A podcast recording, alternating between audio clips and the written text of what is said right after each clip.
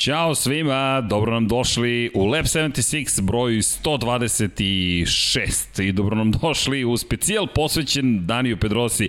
Danas dogovaramo se s Bogdanom, treba nam thumbnail za Lab 76 126, kako to misliš, 126, pa juče je bilo 114, ali u studiju na kraju univerzuma uvek se dešavaju čudne, nadamo se lepe stvari pre svega, pa eto tako večeras i 126-ica, ideja mog dragog prijatelja i kolege koji je uvek tu za Moto Grand Prix, gospodina Dejana Potkonjaka, uredniče, čestitam još Ćao, jedan briljantan moment. Dobro veče. Dobro veče. Ćao Dejane. Dobro veče. e, da li je to Bata Živanić uzeo od nas iz budućnosti? Ćao inspektore, kada su ko s njim, zna, ko zna, ali... Ja, znaš, Saznaćemo jedno. Da li ti, Vanja, znaš koji je film uopšte u pitanju? Na, naravno da ne, o, koliko maratona će ovde biti. Želimo vam još jednom dobrodošlicu, još jednom čao svima. Vodite računa jedni u drugima, mazite se naravno i pazite se, nadam se da ste dobro, nadam se da vam prijaju ovih dani, nekome prija toplota, nekome ne prija, malo jesu ponekad teži, ponekad lakši, ali nekako kada je tu Lab 76, ja se nadam da je sve zabavno. Danas sam sreo gospodina koji nam je komšija sa plavom majicom Lab 76 i rekao moramo na piće, običao da sam kaže žurim na posao, ali čim se ukaže prilika može, tako da imaćemo goste Vanja, čisto da najavim na vreme. Idemo dole u trojku u kafić koji je u prizemlju, pa verujem da ćemo tamo da napravimo neko druženje kada za to dođe vreme. Inače, pre nego što krenemo, da se zahvalimo svima koji nas podržavaju, vama se zahvaljujemo što nas pratite, što učestvujete sa nama, što četujete međusobno, što ste tu, što nas podržavate, evo konkretno kada je Moto Grand Prix, što nas pratite i kada nije sezona u toku, to jest kada je ova ogromna pauza, pa imamo osjećaj kao da je nekako stala godina, ali naprotiv nije stala, sve se zahuktava, tek ćemo da pričamo o zahuktavanju, ima ovde dejan jedan legendarni istorijski poster na stolu, pomažemo Luki, nemojmo zaboraviti, uvek se trudimo da nekom pomognemo, još uvek se trudimo da pomognemo Luki, 928 na 3030 u Republici Srbiji, a ukoliko ste u Švajcarskoj, Human 928 na 455. Možete sve to u opisu da vidite, ali Nije samo u pitanju Luka, generalno, inače stavit ćemo vam i link tokom večerašnje emisije ka Limundu, pa ko može da ili želi da učestvuje na aukcijama, zaista se trudimo da veliki broj sportskih rekvizita koji su autogramisani ili su poklonjeni ili imaju neku važnost, pre svega emotivno, pokušamo da na neki način prosledimo dalje nekome ko će dati novac koji će utići u dobrotvorne svrhe, pa eto i to se trudimo, to je ono što se čime se takođe bavimo. Inače, uzbudljiva nedelja u automotosportu, ko nije pratio jučerašnji iseckani Lab 76 114 ABC ili koliko ih već ima kao da su bolidi Formula 1, nadam se da ćete ispratiti sudar Titana, kako kako smo ga nazvali, Max Verstappen protiv Luisa Hamiltona, beše uzbudljivo, ali tad smo i najavili da ćemo pričati o Moto Grand Prix, gde ima zaista mnogo uzbuđenja. Ne znam, neki se spavalo nešto u muzičkoj industriji. Šta je radio Liverpool juče? Nisam te pitao. Pa to su trening utakmice, to nema veze. Priprema, okay, ja ni ne znam, pripreme, pripreme. ali osjećam čim je trening utakmice pa, da, to da je... To su ono da... 30 minuta, pa eto čisto da vidiš ono ko je tu u ekipi, ko je otišao, Dobro, gosta i tako. Kada krećete? 14. avgusta? Pa uskoro to sve uskoro, kreće, da, dobro. da, da. Dobro, da. To je pre... samo, samo da krenu ove, da kažem, uzbiljnije pripremne utakmice, to već smatramo početkom sezona. Vidi, na, na da. Liverpool smeška se da. tamo u tu pozadini. U svakom slučaju to kreće dan pre druge trke koje će nam doći kada se završi ova letnja pauza, koja zaista nekako mnogo dugo traje iz jedne perspektive prija da, da se odmorimo, napunimo bateriju, s druge strane nedostaje mi trkanje, nedostaje mi Ma i to nego čudno mi je jako malo vesti imamo, to je... To obično, to je ono šta to obično da, znači? Pa, zatiše neko, zatiše pred nešto. pred da, da. nešto, pre, a da. može mnogo bura da, da, da, da duva pa, kada mi, da. se završi ova pauza, međutim bu, bu, već je sada onako olujno, već je sada bura na sve strane, pa ako pogledam tvoj poster, fascinantan mi je Repsol Honda Team, ovo je, šta je ovo, 2010. 11. 11. Ovo je tačno 11, 10 godina. Ne, tačno da. 10 godina. Da, da. Fascinantan poster, ja moram Mislim da, da je bio podignem. 8. avgust 2011. Ja moram da podignem ovo, Vanja, ako može ovaj kadar, molim vas, dame i gospodo, Repsol Honda ekipa, Andrea Doviciozo u sredini, Casey Stoner i Dani Pedrosa ga okružuju. Tri vanzemaljca u jednom timu, a u dvojkama je bio Marquez. A u dvojkama je bio stanoviti Mark Marquez, da. da. A na Ducatiju Valentino Rossi. Da. Čisto 10 godina da. kasnije kako se stvari možda da. krugovi neki zatvaraju. Vidjet ćemo šta će se desiti. U svakom slučaju, kada pričamo o najvećim... Ne, ne, ne, ne, ne, ne može ovako da, ne može ovako da krene.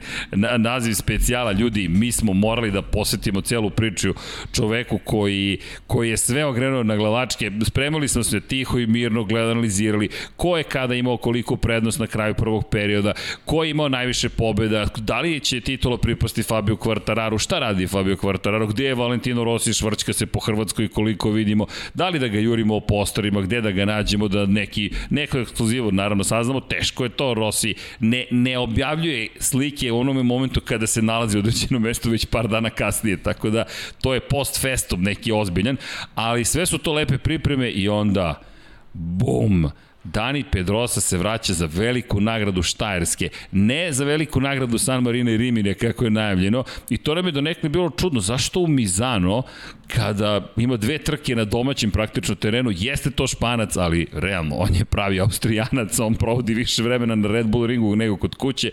I evo potvrde, broj 26, vratit će se nama na stazu, nema boljeg momenta nego da ispoštujemo Dejan Andrić poseban pozdrav ima od cele ekipe čovek je toliko puta pitao, pitao kada će specijalo Daniju Pedrosi sinoć mi je saopšteno da danas radimo specijalo Daniju Pedrosi gospodin Dejan Potkonjak je samo rekao Srki sutra radimo 126-icu Misliš specijalo Daniju Pedrosi? Apsolutno. Pa znaš kako, da, da samo provučemo kroz ovaj podcast Formula 1, ne ide. Ne, ne ide, ide pre svega zato Nije što je to Dani, što je takva osoba kakva jeste i stvarno je zaslužuje to malo, malo više pažnje pre ovog da, eto, nazovemo povratka na, na, na stazu. Da, Dani, da. Dani će nam biti, oh, oh, krećemo agresivno na Red Bull KTM-u, na Red Bull ringu, bit će jedan pravi bik, biće Dani Pedrosa. Ja, ja ne mogu da verujem da se Samuraj vraća iskreno. Inače, moramo da bacimo pogled posle, ako budeš mogao, pusti nam Vanja i thumbnail, s obzirom na činjenicu da je Bogdan bio inspirisan. Čuje do nekle priče o tome, pogledajte kacigu ovoga čoveka, kanji japanski za samuraja. I to stoji na kacigi već dugi niz godina Danija Pedrose. Malo su se sede pojavile, dobrodošao u klub Dani, da sad možeš s pravom da sedeš u stolicu preko puta. Da, vidi sve, o, vidi, to su ozbiljne sada sede, ali ovaj gospodin, ovaj pre svega jedan gospodin i ja jedva čekam da vidim ovaj KTM u njegovim rukama. Pričat ćemo o očekivanjima ja sam samo srećan što ćemo ga vidjeti u trci. Iznenađen, moram priznati, godina me ponavljao, nemam nameru da se... Tra... A, Vanja. Reci, deki. Ne, sjajno. sjajno Povratak ne, samuraja i ova 26-ica, sve više ulazi u materiju Bogdan. Bogdan sve više vidim da je inspirisan automoto trkama. Povratak samuraja, da. Povratak i Kala Kračalo, da ne zaboravimo i to. I naravno, nažalost, otkazivanje velike nagrade Tajlanda. Još uvek nemamo rezervnu trku, ali nadam se da ćemo je dobiti. Da, nažalost, čini se da ćemo sve više vremena provoditi u opet u Evropi, no hajde da gledamo one pozitivne stvari i da, da pričamo upravo o samuraju. Hajde da krenemo od kraja. Da. Čovek je sada legenda KTM-a, čak možda i veća nego što je legenda Honda, a čovek je proveo 20 godina na Hondinim motorima, osvojio tri titule šampiona sveta, jednu u 125 kubika, 200, dve u 250 kubika, stigao kao budući velikan Moto Grand Prix-a, mnogo pobjeda ostvarenih u krajinskoj klasi, ali ne i titula, i danas se vraća na stazu, evo, kao se dokosi samuraj koji će možda uspeti da pokori novu generaciju vozača u Moto Grand Prix. Meni je samo fenomenalno da ćemo mi na stazi ponovo imati Markeza, Pedrosu i Rosija. E sad, bilo bi super da su se još neki tu pojavili, ali kakve scene? Ovo su scene iz Japana i ovo je jedan od onih lepših momenta, deki ovo, ovo ste i ti vidim bili vredni. Fantastična fotografija. Daniel, Dani Pedrosa. Šta ti očekuješ? Pa ajde da se nadovežem prvo na, na, na ovu priču koju si započeo vezano pre svega za, za uh, taj njegov rating koji je zaradio ovaj, u, u kratkom stažu u, u KTM-u. Jednostavno on je to smo mnogo puta zaista spomenuli ovaj, kroz, kroz sve ove podcaste, ako je, ako je KTM pravio neki čarobni napitak, da tako nazovemo taj motocikl, uh, uh, Dani Pedrosa bio taj, taj tajni sastojak koji je bukvalno nedostajao do poslednjeg trenutka da, da taj motocikl proradi onako kako su smi, svi očekivali da krenu da stižu pobede pol pozicije i, i, i tako dalje. I pre svega zbog toga on ima verovatno nemerljiv ugled u, u austrijskoj kompaniji, jer je stvarno njegovim dolaskom, možda se to samo slučajno pogodilo, ali ja ne verujem u tu vrstu slučajnosti, jednostavno njegov dolazak u KTM, to iskustvo koje je doneo, koliko si rekao, ovaj, to, to, to se meri sa, sa decenijama u, u, u Hondi, ovaj, jednostavno to iskustvo koje je doneo sa sobom u KTM, on, to, je, to je jednostavno bio taj vetar u leđa koji je bio neophodan i, i bukvalno sa njegovom, njegovim posvećivanjem u razvoju tog motocikla i načinom kako je to radio, a, a, a pričat će o, o tome kako to Dani, Dani Pedrosa radi, jednostavno to je bila ta, ta dobitna kombinacija i taj, taj šraf koji je nedostajao da, ta, da se taj motocikl nađe, nađe tamo gde se, gde se sad nalazi i verujem da, da, da su njihove ambicije takve da, da se to ne zaustavljaju. Znači, KTM ima, ima cilj koji će kad tad ostvariti, ne moramo da izgovaramo, znamo, znamo šta to znači, ovaj, ali Dani Pedrosa je taj koji je definitivno čovek koji, koji donosi ovaj, tu, tu, tu neku potrebnu dozu sigurnosti i, i kvaliteta, a ovo što ćemo imati sreću da, da, da, da vidimo na sledećoj trci je samo neki logičan nastavak čitave priče saradnje KTM-a i Danija Pedrosa. Da, Dani Pedrosa, inače na njegovom zvaničnom web sajtu piše mali samuraj. Tako samog sebe doživlja, tako samog sebe potpisuje. Čovek koji je eto, svojio tri titule šampiona sveta, čisto iz perspektive či, brojki. Samo brojki. Kada govorimo o Daniju Pedrosi, 31 pobeda u Moto Grand Prix kategoriji. Mi pričamo o praktično dve pune sezone u kojima je Dani sam jedini pobeđivao. 40 puta je bio na poziciji broj 2, 41 put je bio na poziciji broj 3, 31 pol pozicija, 44 najbrža kruga je odvezao u svojoj karijeri, spektakularno brz, inače kada saberete sve njegove pobede, i to mi je bilo zanimljivo, zvanično, Dani Pedrosa ima 54 pobede ukupno u svojoj karijeri. 52 puta je bio na drugom mestu, 47 treće plasirani, ukupno pol pozicije u svim kategorijama, 49. Dakle, kada govorimo o Moto Grand Prix klasi, tu je u stvari najveći broj uspeha, nema titulu, međutim tu. I jedna bitna stvar, na njegovom sajtu zanimljivo stoji da je 53 puta pobedio, ne znam gde su, ne, demo je nestala jedna pobeda, to mi je zanimljiva priča, ukoliko bude prilike da ga sretnemo ovih godina, da ga pitam, ok Dani, da li ti to sebi ne priznaješ neku pobedu do one 54 ili je pogrešio prosto tvoj web dizajner, pa stoji 53 pobede, ne znam, ali tu se negde nešto zagubilo. 270 trka je odvezao, u tih 270 trka 151 put je stajao na pobedničkom postolju. Mi hvalimo čoveka koji dođe jednom na pobedničko postolje, kada uspe da postigne tako nešto impresivno, a ne 151 put u 270 trka i Dani Pedrosa jeste poseban. Ono što međutim nikada nije ostvareno je upravo o čemu stalno pričamo, titulu Moto Grand Prix i tu je stekao nekako reputaciju večitog drugog zapravo. Proći ćemo njegovu karijeru, kako je došlo do toga, šta se tu desilo. Inače je uvek bio poznat kao Hondin čovek. Dakle, u svetskom šampionatu sve ove trke su vožene na Hondi. On čovjek nema ni jedan nastup na KTM-u. Honda RS 125, čuvena, prvi njegov motocikl, drugi njegov motocikl, treći njegov motocikl, ukupno tri sezone u šampionatu sveta u 125 kubika, 2001. drugi, treći, inače Dani Pedrosa je rođen 1985. godine. On još nema 36 godina punih. Da, čisto, čisto da, da, da rešamo i tu misteriju, pošto vidim da već, već se u četu pojavljuju neka pitanja kako on tako mator ovaj, nastupa u Moto Grand Prix. Samo ću, ne, ne, samo ću reći jedan podatak, pošto svi željno očekujemo povratak Andreja Dovicioza na stazu. Dani Pedrosa je septembar, kraj septembra 85. Andreja Dovicioza je kraj marta 86 jeste. Znači, razlika između njih dvojice je samo šest meseci.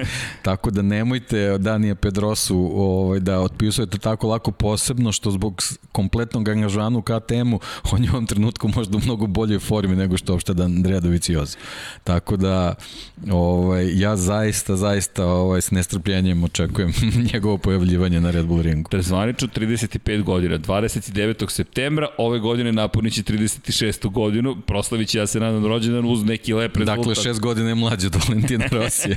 da, da, šest godina je mlađi od Valentina Ako ćemo tako, ako ćemo... možemo i tako da povlačimo paralele. Ali meni je nekako najbliža paralela penzioner zvani Andreja Doviciozo koga čekamo da se vrati na stazu. Tako da nemojte o Daniju tako loše da mislite. 13 sezona u Repsol Honda, inače posle te tri godine u 125-icama u kojima jednom bio osmi u šampionatu, jednom treći i jednom osvojio titulu, prebacuje se na 250-ice. Ostaje uz Hondu, inače to je Telefonika Movistar juniorska ekipa bila. Važno da napomenem, proći ćemo sve te godine, ali to su početci njegove boje su s početka bile plavo-žute. Telefonika je bila ta koja je označila početak njegove karijere. Prve tri godine u istom timu, zatim Telefonika, Movistar, Honda 250, C, 250 CC ekipa, čuvena Honda RS 250, ali R, da ne zaboravimo, on ima fabrički model, dve sezone u 250 kubika, dve titule dve titule, a to kako ih je osvojio, šta je sve proživeo između sezona, će biti tema večerašnjih razgovora. I onda dolazimo do RC 211V, jedna sezona. Pa zatim RC 212V, šest godina, koliko je bila u upotrebi, ne zapravo nemo, da, šest godina je bilo u upotrebi ili pet, pet godina, 1, 2, 3, 4, 5, pet godina u upotrebi, ipak dobro. Zatim RC 213V, punih 8 godine je sedeo na 213. CV i nikako do titule uspeo je tri puta da bude vice šampion 2007. godine, 2010. godine i 2012. godine. Tri puta je bio treće plasirani, 8. 9. i 13 i posle toga polako počinje Mark, već je počela era Marka Markeza, počinje da, da bledi nekako sjaj na zvezdi Danija Pedrose i 2018. na kraju godine postaje legenda Moto Grand Prix, penzioniše se, i potpisuje ugovor sa KTM-om. Pazi, 2018, on 2019. 20 i sada 21. tek je na KTM-u za dve i po godine. M tajni sastojak KTM-a koji je sada pobednički motocikl, M čovek koji sad svi čekamo, želimo da se vrati, a kada je odlazio nekako je gotovo ravnodušnost zavladala za Danijem Pedrosom, sada ne, trljamo ruke i jedva čekamo da ga vidimo. Daniel, inače Pedrosa, samo da napomenemo, se zove Dani, puno ime Daniel a nadimak mu je Dani Pedrosa, ali pošto je Dani se odomaćilo, onda je to nekako, tako nekako ostalo. Inače, čovek koji kada pričamo o karijeri, je od malih nogu sede na motoru. Čas četiri godine je započeo svoju ljubav. Ljubav prema sportu se pojavila sa četiri godine, to je prema motorima, pa sa šest godine je seo na prvi ozbiljniji motocikl, pa sa devet počeo da učestvuje u takmičenjima, malo imao zdravstvenih problema i onda počinje polako karijera u Španiji da se gradi pre nego što je stigao do svetskog prvenstva i tamo bio od početka spektakularan. Počekao mali i ostao mali. da, da, mali da. samuraj. To je da, to je nešto što ga je jednostavno karakterisalo kako i on pričao. Pogledajte, ima jedan Red Bullov zaista simpatičan ovaj dokumentarac, naravno zove se Tihi samuraj, kako bi se drugačije zvalo. Naravno znao. Da, ovaj, gde, gde Dani priča o, o, o u stvari e, dokumentarac se snima u, u kratkom periodu do trenutka kad nije saopštio da, da završava karijeru, pokriva nekih par meseci, ali generalno je pričao o njegovoj kompletnoj karijeri i, i tim početcima gde uh, uh, jednostavno prikazuje da, da, da su motocikli bukvalno bili u krvi od, od, od, od, od rođenja, zahvaljujući pre svega ocu i, i njegovoj ljubavi prema dvotočkašima, gde, gde se vide neki stari privatni ovaj, porodični snimci gde se on bukvalno od malena igra sa, sa, sa, sa modelima motocikala mali, ovaj, imitira neke motocross skokove na, na, na, na kauču i tako dalje, kao što smo naravno i svi radili kao deca sa raznoraznim ovaj, tematikama vezanim za, za te Šta male je popularno modele, uh, imaju božićni poklon i on odpo, od, od, odpakuje svoj, svoj paketić gde, gde je u stvari motocross odelo i onda neviđena radnost tog malog deteta i tako dalje i tako dalje. Znači, bukvalno od, od samih početaka je bio apsolutno vezan za dvotočkaše, to je jednostavno moralo uh, na tu stranu da krene, ali eto, to, to je nešto što ga je i obeležilo, taj, taj jednostavno mali, mali raz koji ga je pratio, imao je naravno i ono, ruganje u školi, kako to sve ide, ovaj, mora pre svega da, da se bori s tim i tu je verovatno izrastao u tu, tu neku lično samuraja koje, koji jednostavno ne odustoje, ali se bori na neki svoj način bez, bez nekog posebnog nametanja, uvek u nekoj senci, uvek tiho, bez, bez ikakvog, bez ikakve presije, pritisaka prema bilo kome, uvek ljubazan i srdačan, uvek sa osmehom i to je nešto što ga obeležilo, ali je jako interesantno da je on i u tom dokumentarcu priznao da on apsolutno nikada nije mogao ni da pomisli da će biti kadar da stigne u Moto Grand Prix. I kad je već došao tu, jedino što je želeo je da pokuša da ostvari pobedu. Apsolutno nije nikad ovaj a, a, pomišljao da bi on bio kadar da da postane svetski šampion što je ovaj zaista eto eto jedna jedna neverovatna ovaj stvar i činjenice koje stvari opisuje karakter Danija Pedrose uvek uvek preskroman i uvek čovjek od zadatka pre svega. Pa da, Dani Pedrosa nekako lepo si ga opisao čovek od zadatka i to mislim da je samurajska ta ličnost i tu izražena, prosto ratnik, imam svoju misiju, imam svoj cilj, to ću i da uradim. Inače, kada pričaš o, o pobedi, ta, ta želja za pobedu, a vrlo brzo je Dani Pedrosa došao do pobede, već u Holandiji 2002. godine, to je njegova druga sezona takmičenja u 125 kubika, Dani Pedrosa imao je pol pozicije, ali je morao da čeka tu prvu pobedu, uspeva da, da sla zabeleži prvi triumf od tri te sezone, inače sezona koja se pamti, sezona u kojoj su šampioni bili konkretno u Moto Grand Prix kategoriji Valentino Rossi u 250 kubika Marko Melandri i Dani Pedrosa uspeo je, uspeo prosto da da, da, da, se, da, da završi posao, rekao bih, koji je započet bio već praktično na početku godine u Japanu, ono sve pol poziciju kreće nekako u jednu neverovatnu godinu. Moram priznati da uh, je to sezona koja je već tada pokazala da stiže jedna nova generacija. Zašto? Kada pogledate imena koje su se takmičila za, za titulu šampiona sveta,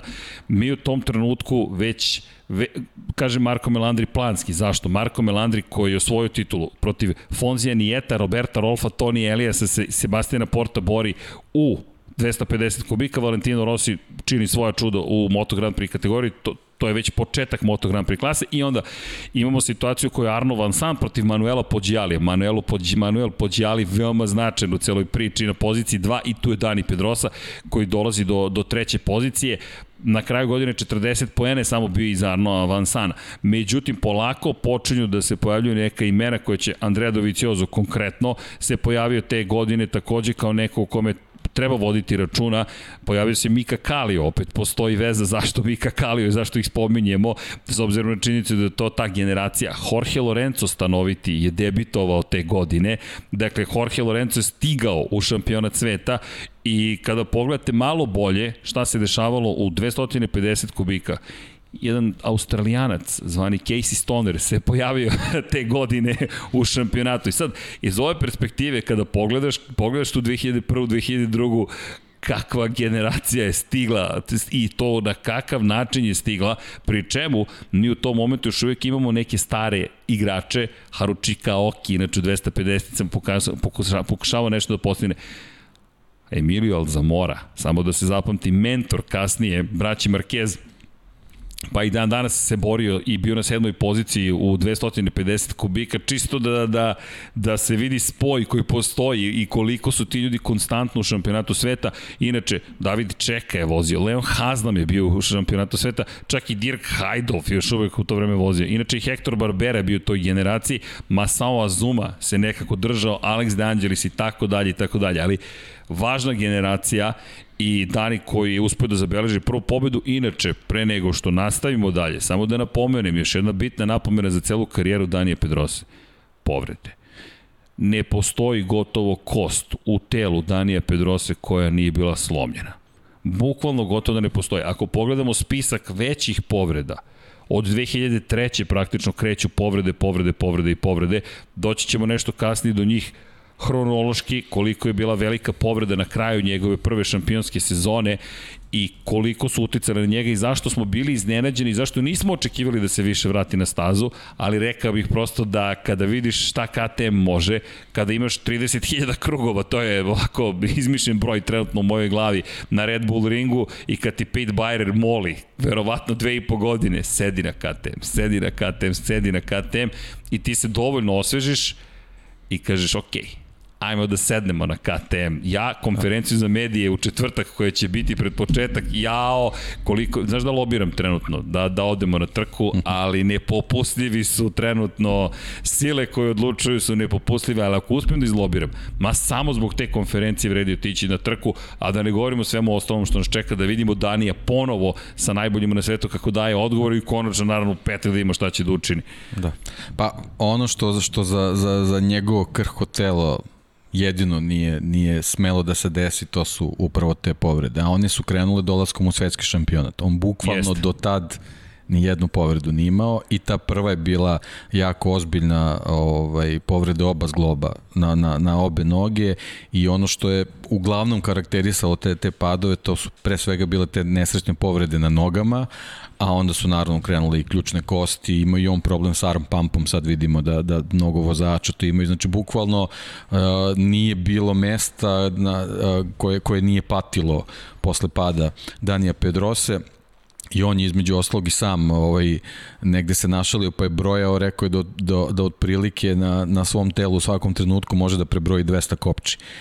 U, i, i ovaj, otprilike se vezuje za nekih dvadesetak težih, težih povreda koje je imao, što znači otprilike 10 kopči po, po težoj povredi. Pa, sa, pa, pa samo izračunajte kako to može da izgleda. I pored toga tako ozbiljna je. povreda po sezoni tako kao neka vrsta tako proseka. Je, tako, to je, to je taj, taj neki usud koji ga je pratio gde, gde jednostavno ta, teža povreda koja se dešavala uvek je bila u nekom nezgodnom trenutku gde se lomila situacija vezano za njegovu sezonu i on je jednostavno posle te pro, po, povrede koja god da je bila praktično ispadao iz borbe za titulu. I to je nešto eto što je obeležilo tu njegovu karijeru u, u, u, u svetskom šampionatu, a pre svega u Moto Grand Prix Grand Prix kao je super talentovan vozača eto, koji nije praktično zbog povreda dobio priliku da se okiti titulom svetskog šampiona. Na nekoliko stvari kada je reč o Daniju Pedrosi. Dani Pedrosa rečima Nike Hejdena, koga smo nažalost izgubili, ali koji je imao priliku da vozi i sa Casey Stonerom, i sa Valentino Rosim, i sa Danijem Pedrosom i napominjamo to, konstantno napominjamo upravo te stvari. Zašto? čovek je koji je i zahvaljujući rečima Nike Hejdina opisan kao čovek koji ima najprecizniji stil ikada i da nije nikada u životu video vozača koji je toliko precizan na motoru, koji može da, da tako, takav stil vožnje primeni na motocikl i to je ono što ćemo imati prilike da vidimo da motori od preko 275 pa, da. konjskih snaga funkcionišu u njegovim rukama. Pa, apsolutno, mi, mi ga do sad samo nismo videli, on, on to sve radi za neke zavese, ali definitivno ti motocikli koji Oliveiri pre svega donose pobedu i, i Binderu i pol pozicije Spargaru prošle godine tako dalje, to su ti motocikli koji su na maksimumu radili u rukama Danija Pedrose i, i, i samo bi sam dovezao to, to ovaj, što se napomenuo vezano za, za Haydenovo zapažanje oko Danija, ja ne znam da li sam u nekom intervju bilo kog vozača našao neku zamerku vezanu za, za stil vožnje Danija Pedrose kad je to bilo pitanje. Bilo da, da, je, da, da su u pitanju stari vozači kao Kevin Schmanc ili Mark Marquez koji u tom trenutku bio timski kolega ili Jorge Lorenzo koji su u jednom trenutku borio s njim. Znači to su sve vozači koji su apsolutno imali reči hvale i samo, samo pozitivne ovaj, komentare vezane za, za stil vožnje Danija Predose pokušavajući da otkriju način zašto je to baš tako, a pokušavajući da povežu da to verovatno ima veze s njegovom konstitucijom i tom sitnom građom sitna građa koja je takođe veoma značajna. 51 kg, 1,58 visok i zaista jedan od deminutivnijih vozača iz perspektive fizičkih aspekata, ali je gigant kada je reč i o hrabrosti, i srcu, i preciznosti, i o znanju i kulturi. Jedan od Tako najkulturnijih je. vozača koje smo imali prilike da upoznamo, imali smo priliku i zadovoljstvo da ga intervjuišemo i ti i ja smo pričali sa Danijem, jedan umeren gospodin, zaista gospodin, vi prosto iz njega ti maniri izbijaju. I čak i da, kada... Da, pre svega, meni, meni ostaje utisak čoveka koji nema onu izveštačenu i nepotrebnu ljubaznost. On je jednostavno tu zato što treba da bude, ali se potpuno posvećuje tebi. Bez da. ikakvih da. potreba da to nešto priveličava i da, da, da to prelazi u neke pežorativne situacije. Apsolutno ne. Znači, bukvalno odmereno i umereno onako Nema lažne ljubaznosti. Apsolutno. I po tvom osmehu bih rekao ti taman odgovara senzibilitet gospodina da. Pedroce. da. Jeste se prepoznali. Pa nekako ono kao, kažu ove da se suprotnosti privlače, ali meni generalno ovaj, čovek koji jednostavno u, u svakoj situaciji je potpuno racionalan i svestan te situacije apsolutno odgovara, to je jednostavno tako. Dani i meni da. je ostavio jedan od utisaka većih pre dve godine u Brnu, dan posle trke, testiranja su u toku i Dani je u garaži. I vidimo da Dani nešto priča i mi smo se samo javili, ćao Dani, Ćao, nikoga ništa nije dirao. I kada nema kamera, kada ne pokušavate da mu ugurate kameru u uvo, u oko i da ga istražujete, ispitujete, kulturno stoji, tako samo je, se smeška neprekidno i možete da ga kulturno pitate off the record, off the record, šta se događa, odgovorit će vam ukoliko ima vremena, ukoliko ima mogućnosti i uglavnom ne, kod njega, ako ne može da vam kaže, rećem ne mogu to da vam kažem. Tako je, apsolutno. To je kraj priče. nema, vam... nema lažnog ulagivanja bilo kako, ne. nema, nema ničega. Ne, ne, predivan jedan uh, sagovornik, kada je reč o samoj stazi, mm, znao da bude i tekako agresivan, pogotovo u mlađim danima i E, tu me podsjeća, moram pristati, ali drugačiji su. E, ne bih poredio Joana Zarka i Danija Pedrosu. Joan Zarko po možda energiji koju odiše, koja odiše iz njega kada, je van, kada nije na motociklu, možda postoji sličnost, ali sve ostalo je potpuno drugačije u kontekstu toga da Dani Pedrosa zaista uvek nekako... Joan Zarko je Onako pomalo kao da je izašao iz kaubojskog filma, neobrijan sam, neoredan sam, možda ću papučama da se šeta, možda i neću.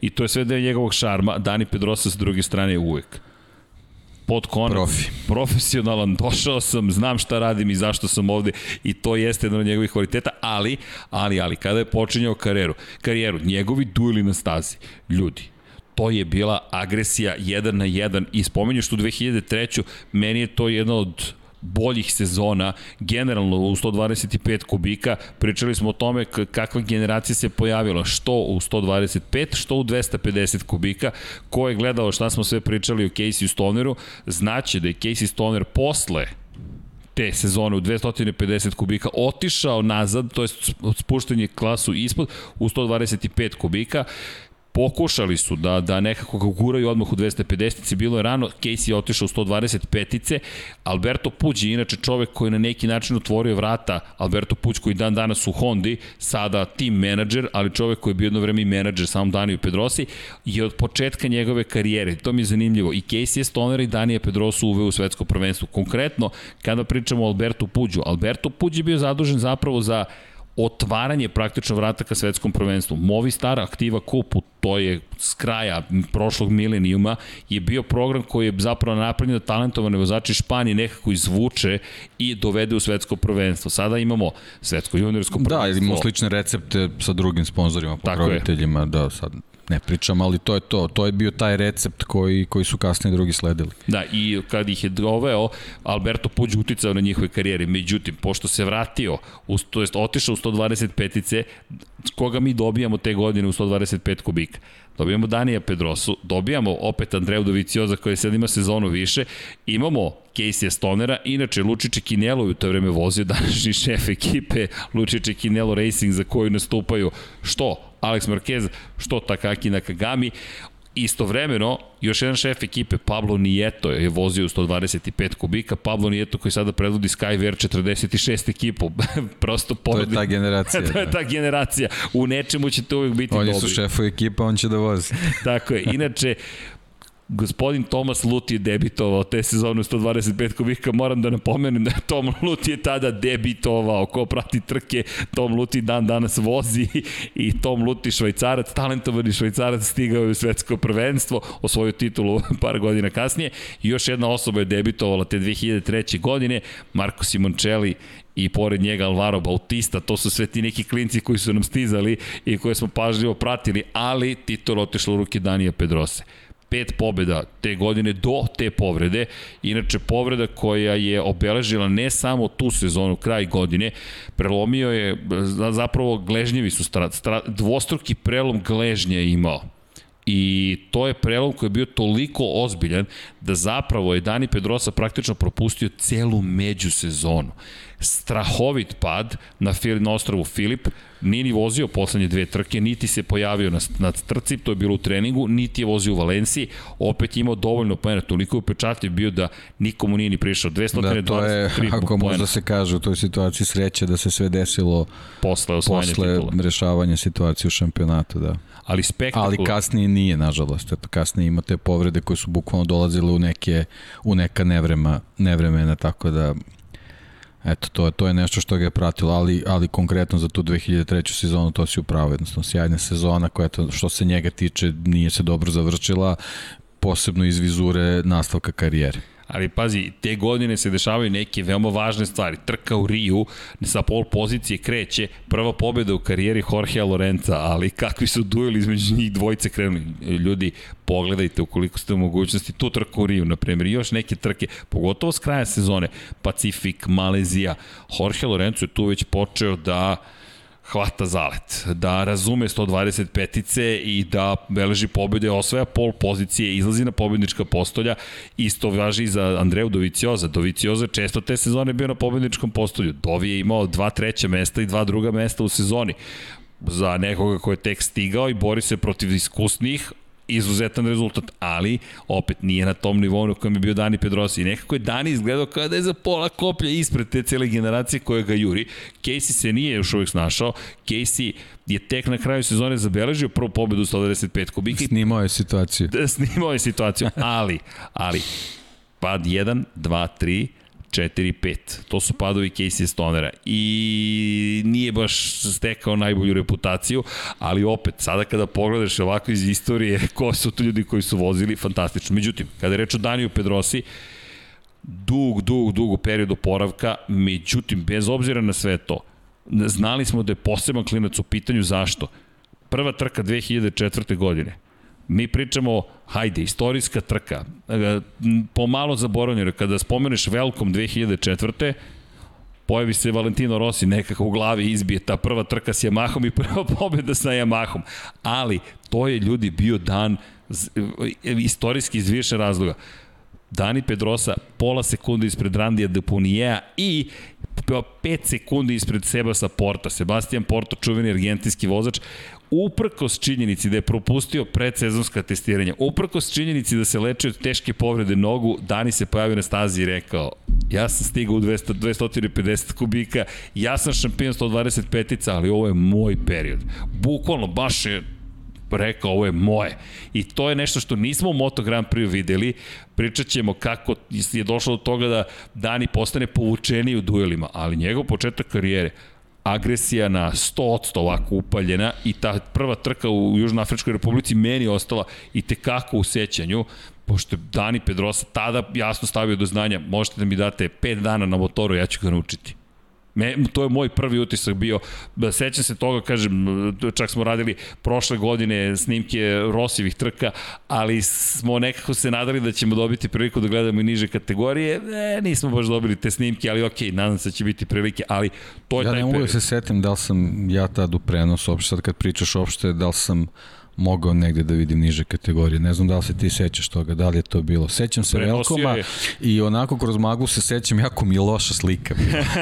to, to mi je vezano, kad, kad spomenemo tu trku, to mi je asocijacija. Ali uopšte ne mogu da se setim... Ovaj, Toby Moody i Julian Ryder. Da, da, sve okej, okay, nego uopšte ne mogu da se setim da li su niže kategorije bile u prenosu jesu, tad, jesu. taj dan. Jesu, Jesu, jesu. Onda ja moguće da Ili sam ja nisam. možda gledao snimak, ali se sećam Ne mogu, ne, mislim, ne Veruj moguće mi, da se, setim. sećam se Mudijevog da. ushićenja e, i moram ti priznati da sam navijao za Pedrosu baš zato što je bila super herojska trka, zato što e, ceo, cela priča, ce, sve se vodilo oko toga, ovaj klinac je polomio noge, ovaj momak je polomio noge, tek je seo na 250, pri čemu čak ni skok između Moto trojke na Moto dvojke ne može da se poredi sa skokom sa 125 na 250 kubika pre, pre ne znam, x nedelja gostao sam kod, kod, kod Galeba i Galeb Nikačić, bacite pogled na Agelast podcast. Obavezno.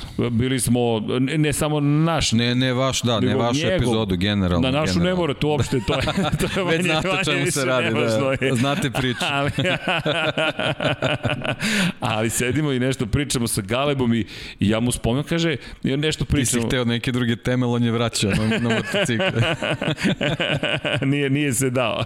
Ali, ali, ali čak ne znam ni da li smo, i smo pričali o tome, više se ni ne sjećam šta smo pričali pred kamerama, šta ne. Kad smo spomenuli 250-ice, čovjek je pokušao da vozi 250-ice dvotaktne i rekao je, ne, Ne, kaže, to je zlo, kaže, to, to, to se ne radi, bukvalno. I bio je uplašen, bukvalno, s obzirom na činjenicu da imaš moment u kojem ti gledaš čoveka koji se time ne bavi toliko. I kaže, bukvalno smo otišli, ne znam gde su bili, van grada, seli na 250 i samo su rekli, ok, ja ovo puštam. Sto, sa 125 na 250 malo ko se snašao.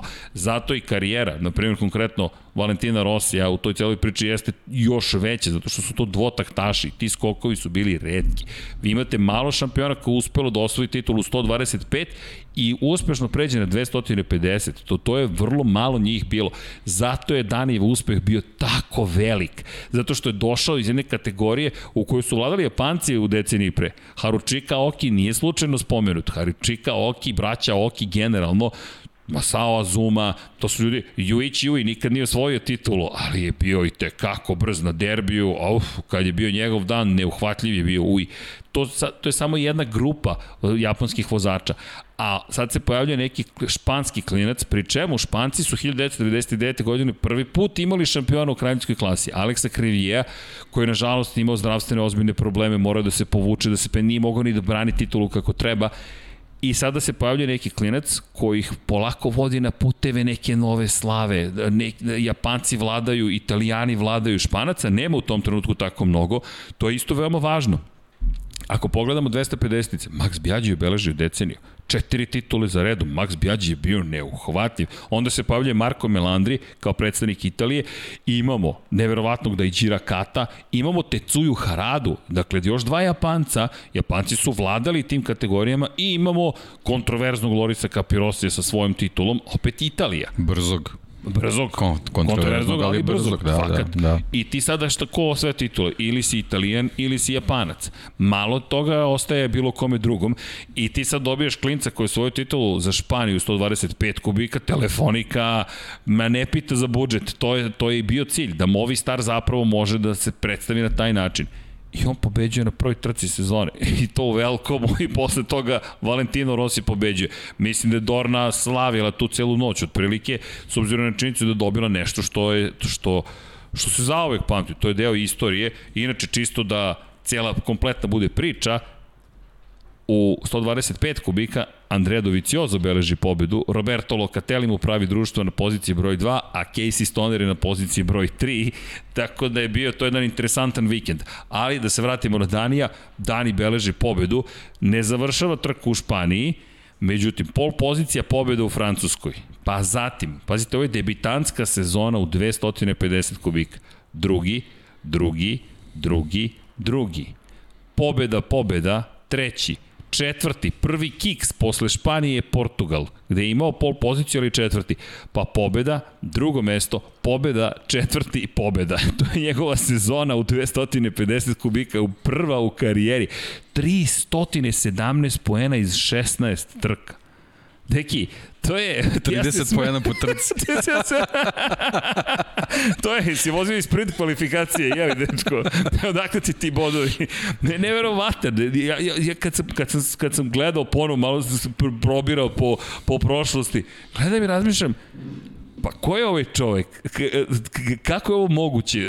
Zašto je bio tako velik? Zato je bio tako velik. I sve vi dobijete tog klinca koji je to osvojio titulu 2003. Sad je... Koji u tom trenutku i dalje ne veruje da će ikad doći u Moto Grand Prix. I nema 20 godina. On, on sam sebi ne veruje da će biti u stanju da vozi Moto Grand Prix, a vozi 250 i dvotakne. Dvotakne.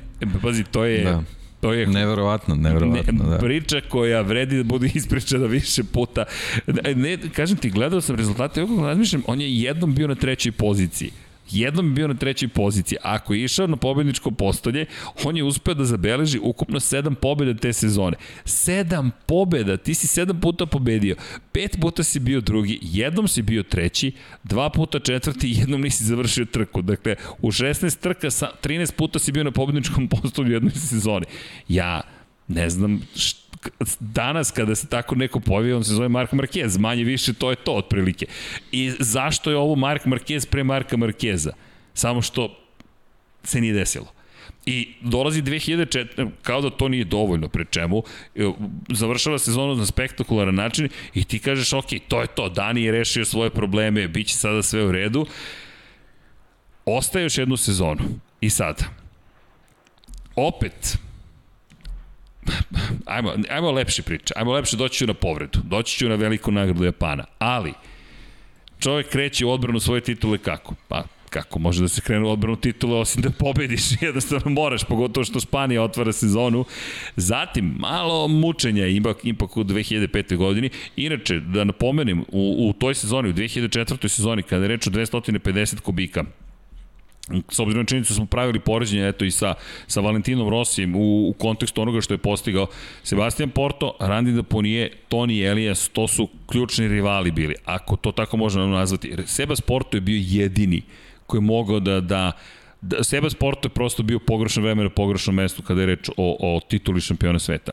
Prosto, bez obzira na svoje uspehe, A Seba Sportu te godine pet pobjeda zabeležio. Pazi, pet pobjeda zabeležio momak. Bio je četiri puta na poziciji broj 2, jednom je bio treći. Jednom sedmi, jednom četvrti, ne, dva puta četvrti i dva puta je odustao. Na kraju 256 poena, nije to malo, to je ozbiljna količina poena. 25 bodova po treci. Ali nije dovoljno. Da. Prosto ti nije dovoljno. Inače, Rani da ponije jedna pobjeda, bio je na pobjedničkom postoju često Toni Elias. Toni Elias jednu pobedu zabeležio. Evo, za, zanimljivo pitanje, to je, evo, nije nagradno, ali šta mislite na kojoj, ali nemojte da gledate Google, nemojte da Wikipediju posmatrate. Šta mislite, na kojoj stazi je Toni Elias zabeležio pobedu te 2004. jednu jedinu u 250 kubika, imate jednom pravo da pogađate, pogotovo ukoliko ste poznavaoci Moto Grand Prix-a, mislim da vam se nameće odgovor sam koja je to staza donela Toniju Eliasu pobedu. Ali 199 poena, inače Alex Angelis i Hiroshi Aoyama Novajlije bile te sezone, zaista su bile dobre, ali prosto nisu mogli više od ovoga. Elem, dolazi 2005. godina, to je ono što je vrlo interesantno kada je reč o, o, o celoj toj sezoni i o Daniju Pedrosi. Zašto? Makar je meni interesantno. Ko je najveći rival Daniju Pedrosi? Casey Stoner. I to je bitka, e, pogotovo na početku sezone, koja je bila fenomenalna.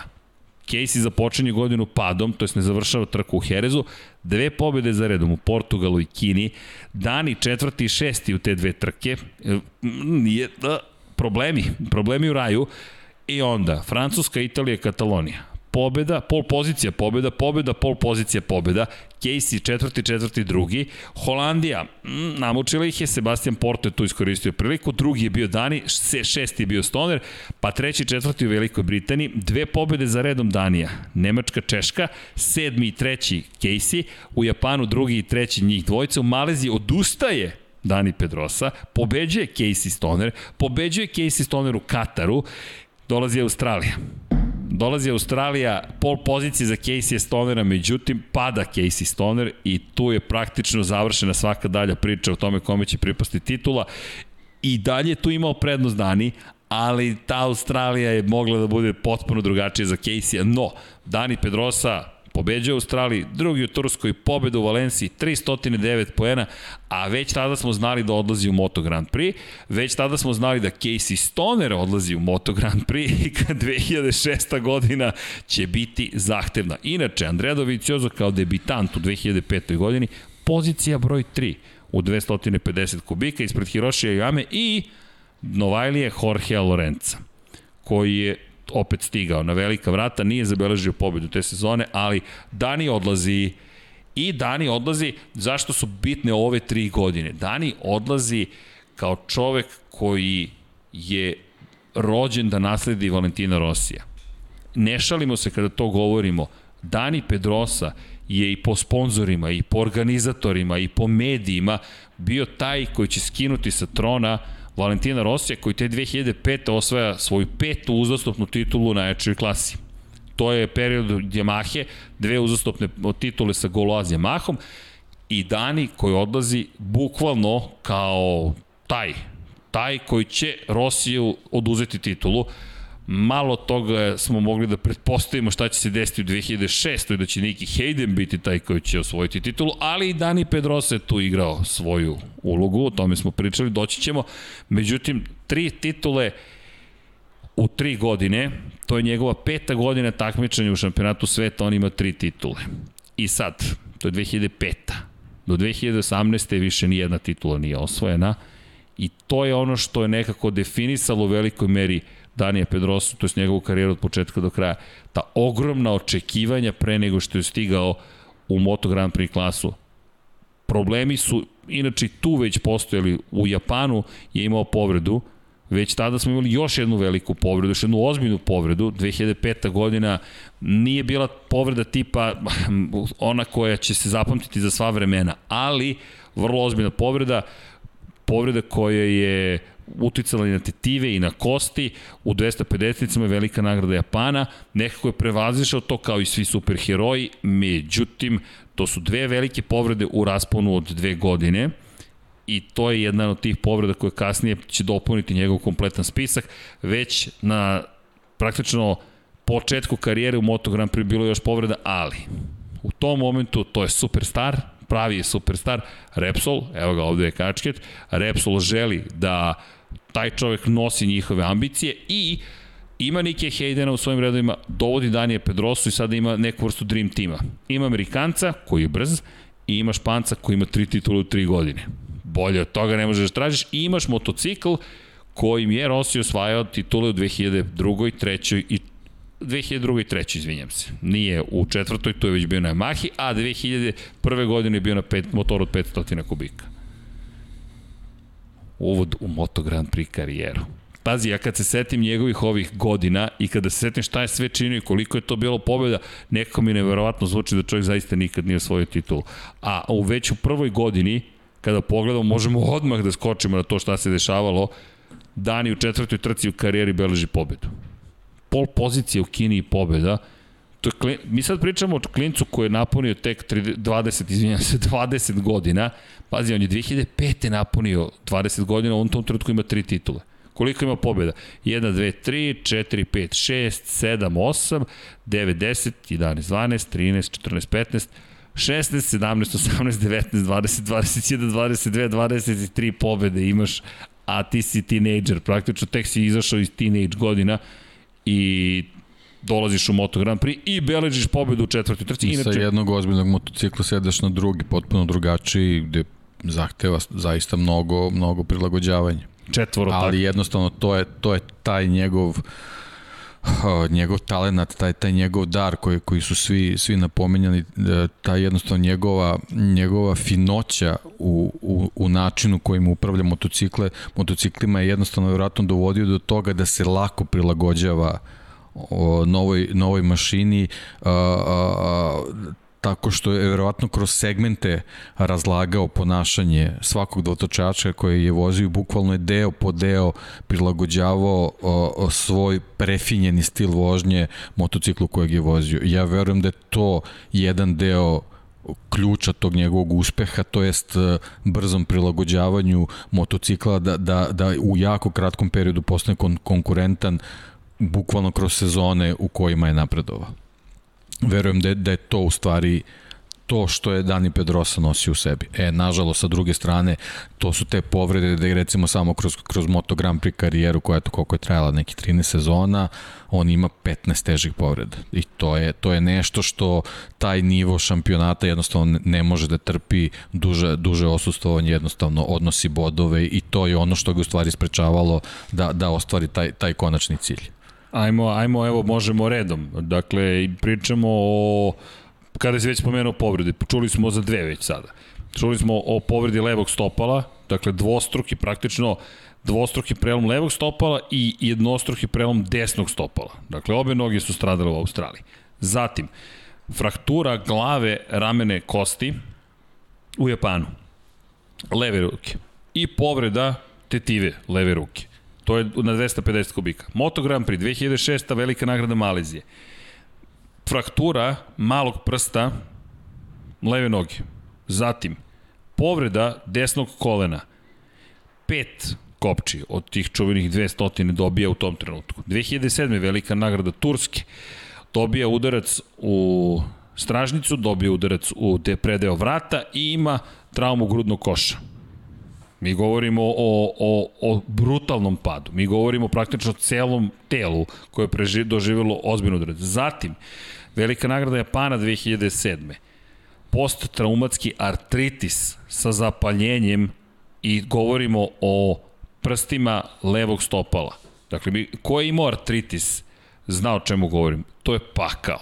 Dakle, ako mislite da možete da podnesete bol, artritis, e, zapalenja bubrega i slične, kamen u bubregu, to, to je besmisleno, kamen u bubregu pogotovo, ali artritis, to, to, to blago rečeno boli. Zatim, Sepang test, test 2008. to je, to je, da, to je taj, taj problem već u toj sezoni.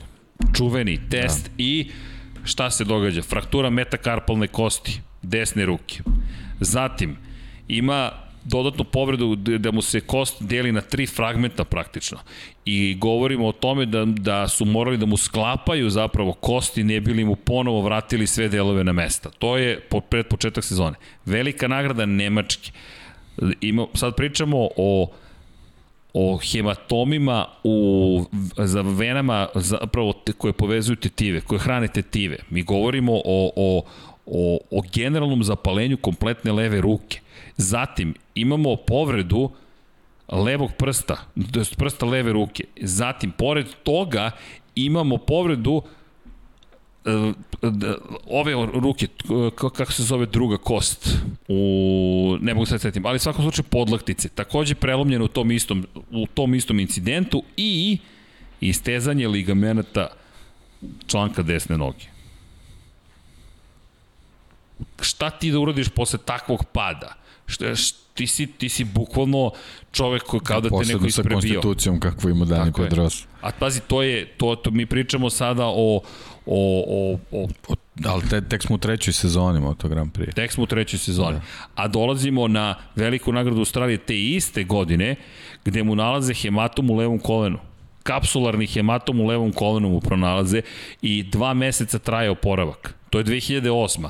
Dakle, on je stigao 2006. sad je ovo već treća godina. Pričat ćemo o sportskim rezultatima. Zatim, test u Kataru 2009. Kao da to nije dovoljno bilo. Kontuzija levog kolena, bazi, kontuzija levog kolena, pri čemu prelom ponovo, to jest prelom leve ruke i povrh svega ima problem sa operacijom, malo neposredno pre Božića s obzirom na činjenicu da mu se rana otvorila. Dakle, ti sad čak nemaš ni potpuni oporavak. Zatim, velika nagrada Italije 2009. Nekompletna fraktura desne noge. Ti sad pričamo o, o tome ti malo, malo imaš frakturu, frakturu, frakturu. Pri čemu? On je morao da se odmori posle toga. Decembar 2009. Pazi sada ovo ide na operaciju, ne bili mu uklonili šrafove u levoj ruci od svih prethodnih padova i problema. 2010. To je čuvena velika nagrada Japana 2010. kada je elektronika podivljala na Hondi i lansirala ga. Ima problem sa ključnom kosti levog ramena, s obzirom na činjenicu da puca na četiri mesta i da ima istegnuće članka leve noge. Velika nagrada Francuske, čuveni incident sa Markom Simončelijem, prelom ključne kosti desnog ramena. Zatim, 2013. velika nagrada Nemačke, prelom ključne kosti levog ramena. Katar 2015. Problemi sa kompartment sindromom u desnoj ruci. Ja, velika nagrada Pana 2016. Opet, četiri fragmenta, četiri fragmenta na, je podeljena na četiri dijela njegova kost, ključna kost desnog ramena, 14. njegova operacija. Ja mislim da je tu već počeo da razmišlja da, da li ima smisla, da li ima smisla? se takmičiti u motogram. Prije, Pazi, nema Pri tom kosti. to su povrede, recimo konkretno ovu 2011. Što, koju si spomenuo, ona je uh, vukla, on je vukao posledici kroz sledeću sezonu. Jeste. Uh, zahvaljujući toj povredi. Tako da on bukvalno u, u Moto Grand Prix karijeri u, u kraljevskoj klasi, u, u najjačoj klasi, bukvalno nije imao sezonu u kojoj je mogao fit da vozi jednu čitavu sezonu nije mogao da sastavi. On je, on je putne kosti lomio, to sam zaboravio 2009. u Italiji, putnu kosti takođe slomio. Pazi, to je, koju kost veliku nisi slomio? I ovo što si upravo rekao, kako ćeš ti da nastaviš svoju karijeru? Šta će ostati od tebe? To ja mislim da bukvalno eto sa, sa ovim sad si ono bukvalno ukratko naveo te te naj najznačajnije da da ih tako nazovem ružna je reč ali ovaj e, povrede koje ima Dani Pedrosa jednostavno kroz to se vidi da on u, u, u svojoj karijeri u, u najjačoj kategoriji jednostavno nije imao sezonu da vozi potpuno spreman a, a, potpuno koncentrisan da, da bi u stvari pokazao maksimum što se tiče svog talenta. Tako da sve ono što je uradio, a, a, a sad je možda i prilika da, da ponoviš još jednom Moto Grand Prix rezultate kroz, kroz ta ostvarenja je zaista nešto, nešto fascinantno. Samo kroz ove povrede da imamo negde podatak da možemo samo da saberemo dane koliko je trajala, trajao oporavak i rehabilitacija njegovi rezultati su, su zaista fascinantni. E, da, inače korekcija, njegov website nije dugo updateovan tamo nedostaje par sezona, zato nema jedne pobede. Sad sam, sad sam shvatio, jer zapravo Dani je imao 295 započetih trka,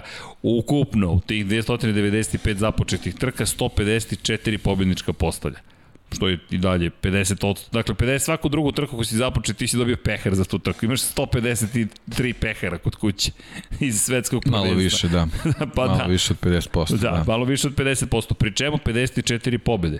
31 pobeda u Moto Grand Prix. 31 pobeda u Moto Grand Prix. Mi slavimo kada neko zabeleži jednu i najzad si pobedio kogod daje. I onda to je ozbiljno slavlje. Ima dve pobede. Pa mi kada gledamo sada protagoniste svetskog prvenstva, Kvartarara, Jacka Millera, biraj, koga, Miguel Oliveira, to su tri pobede. Da, jedno, pet pobjeda. Jednocifreno je sve. Jednocifreno je sve, jednocifreno. I onda dođe Dani i kaže imam 31. Šta imaš 31? Pobedu. Gde? U Moto Grand Prix. Kada? Ko su ti bili rivali? Ajde da mi vidimo s kim si si ti to borio. Pa kad izađe na grid u, u, u Štajerskoj, ako oduzmemo Markeza i Rosija, on ima više pobjeda nego svi ostali nego zajedno. svi zajedno. Sad sam napamet to ako rekao, ali, ta, rekao, pa, tako mi deluje. Da, pa, tako dobro, mi deluje, da možda sam preterao, ali, ali, ali otprilike je to negde. Ima da. Zarko pobedu da. Moto 2 u da. Moto Grand Prix, da. Ne, ne, pričam za Moto Grand Prix, za ne, Moto Grand Prix. ne za niže da. kategorije, naravno. A jeste, pa kategorije, svi su oni majstori. Pa nego... šta ti je, pa, pa nema, da. nemaš više pobednike, da, ne, nemaš pobednike, za to, vrlo ih je malo zapravo. Ne, ne, čak ni Maverick Vinales, ni Miguel Oliveira, ni Jack Miller, ni Fabio Quartararo kad se saberu, oni ne mogu da se približe tom broju pobjeda. Prosto ne, ne, nemaju, ne, ne, ne, I Joker Krašlov da dođe opet ne može da pomoći. I Joker kad dođe nema ničega od toga. On čak ima 31 pobedu, ali pazi, samo pitanje, vratit ćemo se na te njegove godine, ali ko su ti bili rivali?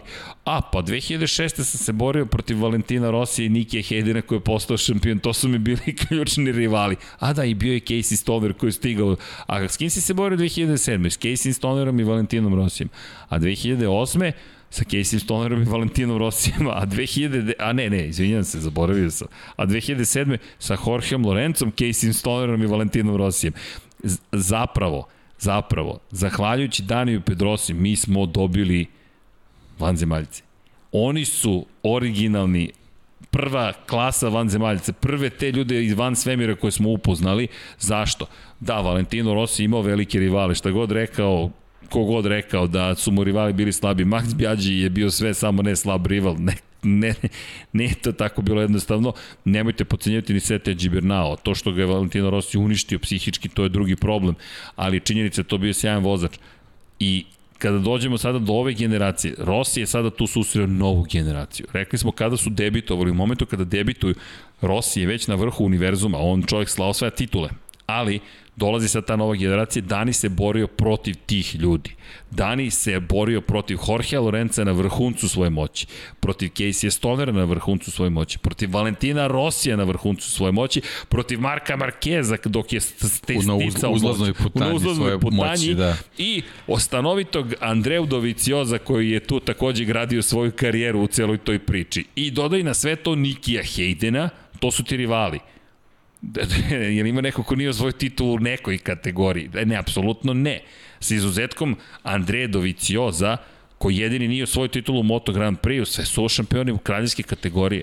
I to su tvoji rivali. Pri čemu, pri čemu ti imaš u jednom momentu u istom timu, u fabričkom timu Repsol Honda, Andreja Dovicioza, Casey Stonera i oni sede pored Danija Pedrosa. I sad, Kako imaš 31 pobedu i nemaš titulu? Pa zapravo i nije tako teško kao što mislite. Teško je bilo doći do jedne pobede. Da, sad imamo svetskog šampiona s jednom pobedom. Tako da to je to je ono ono kad kad stalno se se vode polemike ko je najbolji, ko je ovakav ili onakav. Ne, sad kad si ovo rekao, titule i, i pobede to su to su dve dve dijametralno suprotne ali, stvari. Ali bukvalno mi nije dobro da. kako si ovo izgovorio, ovako sam bukvalno me preseklo po stomaku. Sam koncept, ovaj čovjek ima 30 puta više pobeda od Joana Mira ali nema titulu. I 200, 200 puta više kopči. to je u stvari 200 puta ništa je ništa, tako da dobro, da, okay. da, da, da, ne, ne, ne, nije. Da, nula puta više kopči. Ali da. e, za 200 više. Za 200 više. Da, da, vidiš, da. To, to je taj, ali čekaj, deki, Te, teška mi je ova rečenica. Baš je teška rečenica, ali dobro. Da, ali to je, kažem ti, to je, evo, ajde, ovo je sad apsolutna digresija, ali jednostavno nekako obeležilo ove dane, ja to zbog, zbog nekih svojih stvari pamtim, mislim, ostali smo ovih dana bez Nenada Stekića, ovaj, da. danas, je, danas je bila sahrana, sahranjenje u, u Aleji zaslužnih građana na novom groblju ovaj, u Beogradu. Nenad Stekić je čovek koji je ikona atletska bio zaista, ovaj, ja mislim, verovatno se, se svi atletičari slažu sa mnom, on je najbolji atletičar svih vremena ovaj, na, na prostoru bivše Jugoslavije u Srbiji, da i ne govorim. I, I on je možda jedan dobar primer za tu paralelu šta znače dostignuće na tim različitim paralelama vezano za rezultate i za trofeje koje, koje osvajaš. Nenad Stekić je 1975. postao evropski rekorder u skoku dalj sa daljinom od 8 metara i 45 cm. Samo je Bob Bimon imao čuveni Bob, čuveni Bob Beamon sa, sa svetskim rekordom na, u Mexico City. Znači, na 2000 na, metara nadmorske I dugo godina su i Amerikanci čak rezultat Nenada Stekića mnogo više cenili zato što je postignut u Montrealu na predolimpijskom turniru, znači na nekoj pristojnoj nadmorskoj visini. Ovaj, Nenad Stekić je čovjek koji je 144 puta preskočio 8 metara. To do danas nijedan skakač u dalj nije ponovio. Nena Stekić nikad nije bio olimpijski šampion, nikad nije bio svetski šampion. Ali njegova dostignuća vezana za, za skoku dalj jednostavno ga svrstavaju u apsolutne velikane i to je ono što odvaja ta dostignuća vezana za, za, za tvoj sportski podvig i ono što se meri nekim medaljama i, i peharima. Znači, to su dve potpuno različite stvari, a kad neki sportista spoji i jedno i drugo, tu apsolutno nema, nema onda dileme da li je neko dobar u, u sportu kojim se bavi ili nije. Tako da to su, to su stvari koje su vezane za te neke polemike, da li postoji o, mera, da li je neko bolji, lošiji, da li je neko najbolji svih vremena ili nije. To su jednostavne stvari koji su na taj način nemerljive I evo sad ovo kad pričamo o Daniju Pedrosi, nekako sam se setio eto, da, da čisto ukrade malo i vremena da, da zloupotrebimo ovu priliku da eto odamo i, i, i to ovaj dužno i važno poštovanje čoveku kakav je bio Nenad Stekić, pre svega i čoveku, znači ne, ne samo vrhunskom sportici što se tiče rezultata, nego zaista jednoj divnoj osobi, onako gospodinu šmekeru beogradskom starom, tako da ovaj, eto, čisto onako jedno podsjećanje na njega. Pa mislim da i više nego zaslužuje. Da. Hvala deki za ovo. I hvala, hvala i za hvala emociju. tebi. ne, ne, hvala za emociju, zato što je ovo jeste i dirljivo i divno. Da. I nisam znao za ovaj podatak da, da. nijedan skakač nije imao nikad, toliko nikad, preskoka da. preko 8 metara. Znači, on je otprilike, ono, kad bi se, kad bi se sabiralo, ovaj, samo, samo u tih 144 leta je proveo u vazduhu kilometar i po. Znači, tokom svog, svoje karijere u zvaničnim skokovima, što u treninzima, ja verujem da bi se skupilo kilometar da, da je verovatno preskočio svoj Beograd. To je, to je onako nešto što, što stvarno ostaje to za pamćenje da se stećemo steke, naravno. Pa... I stvarno lep gest, eto da je sahranjen ono na večnom počinku je u aleji zaslužnih građana i zaista je to zaslužio. Jeste. Hvala Deki. Eto, Još hvala tebi. Ne, ali baš je lepo. I hvala Steki na svemu. Te, pa, da. to, ali to su, te, to, to su heroji. To, da. I to su ljudi koji su veličine. Tako Možda je. nisi bio zvaničan šampion, ali si veličina. Tako je, tako je. I to je ono što mi se dopada. Bila je diskusija o tome ko je Moto Grand Prix legenda i zašto je neko legenda kada nije osvojio titulu. Te titule, to, to je neka diploma a ovo, ovo ostalo je neka praksa koja ostaje i koju svi pamte. Zato što si osvojio nas. Tako je. E, tako to je taj tako moment. Je. Da, to ne može, da, to ne može da se kupi. To ne, ne, može, ne, da... ne može ni titula da. da ti to donese. Ne garantuje ti titula tu vrstu poštovanja koju uvažava Dani Pedrosa. Dani Pedrosa, kao što smo rekli, Niki Hayden, kada je sam inaugurisan u kuću slavnih, kada je postao Moto Grand Prix legenda, kada je zašavao svoju karijeru u Moto Grand Prix, pitali su ga ko je najbolji, ko je najbolji klubski kolega, to je najbolji vozač koji ti je bio klubski kolega u tvojoj karijeri i Niki Hayden car, kakav je uvek bio. Pa imam trojicu, odme to Niki kao i stopa ispalio i to je priča koju često ponavljamo i ponavljat ćemo je, zaslužuje i Niki, a verujem da treba da je čujete, pošto su to ozbiljne reči, ozbiljan autoritet je u pitanju, gde je Niki rekao najpre Dani Pedrosa, njegov stil vožnje, ja nikad u životu nisam vidio preciznijeg čoveka na motociklu. To je, to je rekao i Mark Marquez, više puta je ponovio. Da pokušavao je na treninzima nekim da, da, da oponaša gledajući ovaj, telemetrije, ali jednostavno nije uspeo. Ne, Njegov stil je potpuno ne, drugačiji pa, to ti... i, i dovodilo je samo do dekoncentracije i odustao je toga. Pa njegov divlji da, stil. Da, da, da, da. ono, je, ono je bukvalno kao na rodeo da si seo, a ovaj gospodin je seo, da. to je Max Bjađe isto imao, kao na šinama, bukvalno kao da je neko stavio šinu i ti sedneš i samo ispredeš taj mod samo. Kevin Švanc inače potencirao vezano za Danija Pedrosu njegovu mogućnost prebacivanja motocikla Da, da, da, promjena smjera kretanja. Da, da kaže, to je prosto bilo neverovatno, a, a, pre svega zbog, zbog njegove, a, e, opet, konstitucije. I, I to je nešto što je Kevina Švanca posebno oduševljavalo. Kakav kadar. A ono što je fascinantno, mi još u trci nismo videli Danija ni u jednim drugim bojama.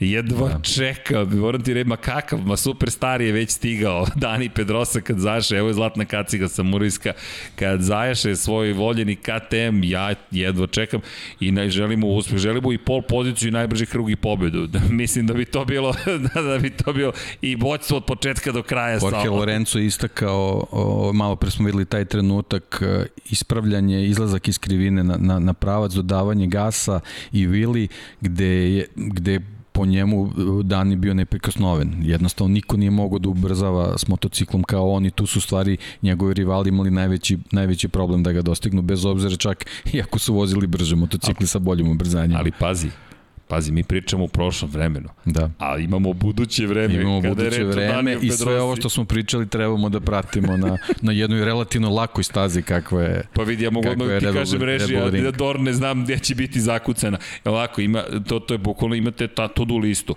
Vodeći u šampionatu sveta se prvi prikazuje. Fabio Quartararo, to će verovatno biti, mada, toliko je velika zvezda i velik događaj da možda će Dani Pedrosa otvoriti prenos kada budemo i na velikoj nagradi Štajerski, to je prva od dve trke na Red Bull ringu i ukoliko nije Dani, onda je sigurno Fabio Quartararo kao vodeći u prvenstvu i odmah posle toga, pap, idemo na Danija. A verujem da će ne Dani, bih se kladio, ne, da, mislim da će Dani ipak biti da, ispred da. Fabio Quartarara i to će biti izlazak iz, iz kamiona, ulazak u garažu, vreme u garaži, još pit Bayer, još na Red Bull ringu, ma to će da bude spektakl. Pa tribine. Pa, ja, pa ne, zamisli samo tribine, koliko će navijača tamo, inače pozdrav svima koji idete na, na, na stazu, e, dosta ljudi se javilo i kao što smo i rekli, hoćemo da pomognemo, u ovom trenutku ne možemo da vam otvorimo padok nikako zato što je balon aktivan. To znači da vozači nemaju kontakt sa gledalcima, ne postoje padog propusnice u ovom trenutku, COVID-19 protokol je takav da zahteva da vozači nemaju kontakt sa publikom. Tako da čak i ukoliko mi budemo u Austriji, nije nemoguće, koliko od malo verovatno bilo, nećemo moći da budemo u kontaktu ni sa kim od vas. Bukvalno će nam protokolom biti zabranjeno. Možemo da vam mahnemo eventualno i to je sve koliko god bismo voleli da, da, da nešto više učinimo. Bukvalno pravila trenutno nalažu da nema kontakta. Tako da ako se budemo tamo zadesili, neki Disat ćemo isti vazduh. Instagram, da, mahat ćemo vam, ali, ali zaista ne postoji mogućnost ovoga puta da učinimo više, što ne znači da nećemo učiniti kada se prvi put ukaže prilika, ali eto, prosto, prosto nadamo se da ćemo, da ćemo biti svi zajedno, pa makar i na taj način da ćemo vam približiti atmosferu. Držim palčeve, radimo na tome, pa eto, možda se, možda se desi, malo se nezgodno poklapa sa, sa početcima futbolskih prvenstava, zato znam kad počinje Premier Liga, ne zato što sam planirao da je pratim ove sezone, već gledam samo kada se poklapa s MotoGP i kao uf, ali dobro. U svakom slučaju radimo na tome, pa eto, držite nam palčeve, a nadam se, šta? Udrite like, naravno, davno to nisam spomenuo, i nekoliko stvari. Što zbog nas, što zbog Danija, eto čisto. Što zbog Danija. Da, da. I zato što volite Danija, kupite majicu Lab 76. Ima bar broj 6. pa možete da ga podržite. Šalu na stranu, ali nama će to značiti infinitylighthouse.com kroz shop i majice tamo, imamo i Kosmos 76 majice i danas sam gostovao kao, da. kao jedan od autora emisije Kosmos 76 na Al Jazeera, ni manje ni više zvali. Hvala Petru Vojnoviću, pratite Tango 6, čovjek, čovjek je preporučio prosto da pričaju sa nama s obzirom na činjenicu da se bavimo time da popularizujemo svemirske istraživanja, pa bilo lepo i zanimljivo pričati o svemu onome što smo prenosili. Eto, lepo da neko primetio, super. Jeste, ne, i da. pozdrav za Tango Six i za cijelu ekipu. E, vidiš, šesticu moraš negde da imaš u, u celoj priči, u, u, moraš da imaš u svojem broju, inače to nekako ne funkcioniše. Mada, Možda i funkcioniše, gleda me Dom Pablo, ali dobro, šalu na stranu, ali da, kupite Lab 76 prosto i nije bitno koji broj volite, evo, Doviciozo četvorka, 27-ica, Casey Stoner, 93-ka, Mark Marquez, mada Rossi prati dobre, dobre primere. Prati dobar primer. Ali šalu na stranu, Vanja, da se zahvalimo ljudima koji nas podržavaju. Molim vas, mi imamo naše kodrugare, pokrovitelje na Patreonu, patreon.com kroz Infinity Lighthouse, pa eto, Nenad Ivić, Sava, Toni Ruščić, Mario Vidović, Ivan Toškov, Mladen Krstić, Stefan Dulić, Marko Bogovac, Ozren Prpić, Marko Mostarac, Nikola Grujičić, Aleksa Vučaj, Zoltan Mezej, Zoran Šalamon, Miloš Banduka i Laslo Boroš, plus šest tajnih pokrovitelja. Pozdrav svima, hvala vam od srca za sve što činite, s obzirom na činjenicu da na taj način nama pomožete da uradimo stvari koje sanjamo, nadam se svi zajedno. Inače, ovo je sve naš studio, dakle, svi zajedno smo investirali, uložili, ovde smo posvetili vreme, novac, knjige, stvari sa, iz stanova, tamo rupe po policama sad stoje, ali ovo je naša ljubav, studio na kraju univerzuma i mi se lepo zabavljamo, a uz vašu podršku, čisto znate, ne postoji neko ko stoji iza ovoga. Ovo su ovo sve ekipa koju ovde vidite je napravila ovaj studio, a i ekipu koju ne vidite zapravo enoga Vanja tamo, enoga Dom Pablo tamo, i moram posle da mi ispričam nešto, ali pratite Vanju na Instagramu, njega nismo popularizovali na Instagramu. Pratite Ladies Love Cool Vanja, četvorka, je tako? Tako da moramo da stavimo i, i, i, i, i, i prosto Instagram nalog da ti ubacimo u chat, da, da ljudi mogu lakše te zaprate. Treba malo te pobarati, ti si nova generacija, tako ćemo možda pričati deki jednog dana. 2020. godine, je, ne 2019. ekipi se pridružio Vanja Milićević i tad je krenula nova istorija.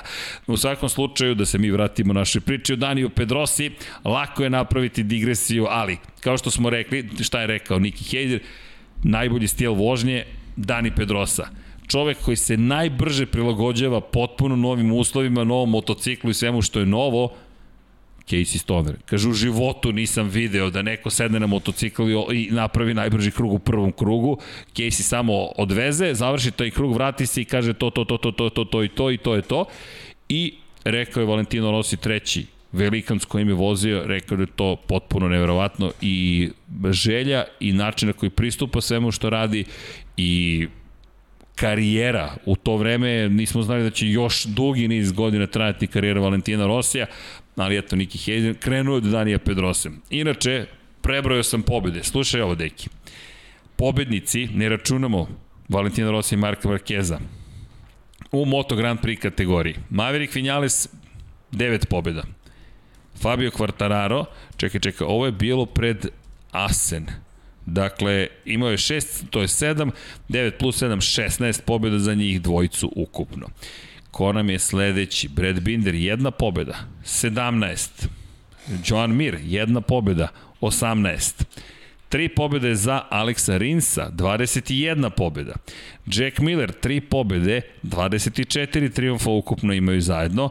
Preskočit ću Valentina Rossi sa 89 pobjeda u Moto Grand Prix klasi. Alex Marquez, Miguel Oliveira, još tri pobjede, 27 dakle triumfa imamo i Jorge Martin ih nema, preskočit ću Markezovih 57, dakle ukupno svi vozači s izuzetkom Marka Markeza i Valentina Rossi trenutno koji će započeti trku na velikoj nagradi Štarski, imaju 27 pobjeda, Dani Pedrosa ima 31. Nije tako loše za matorog 30, 35-godišnjaka sede kose. I da se vratimo mi na njegove početke karijere u Moto Grand Prix 2006. Tu smo stali.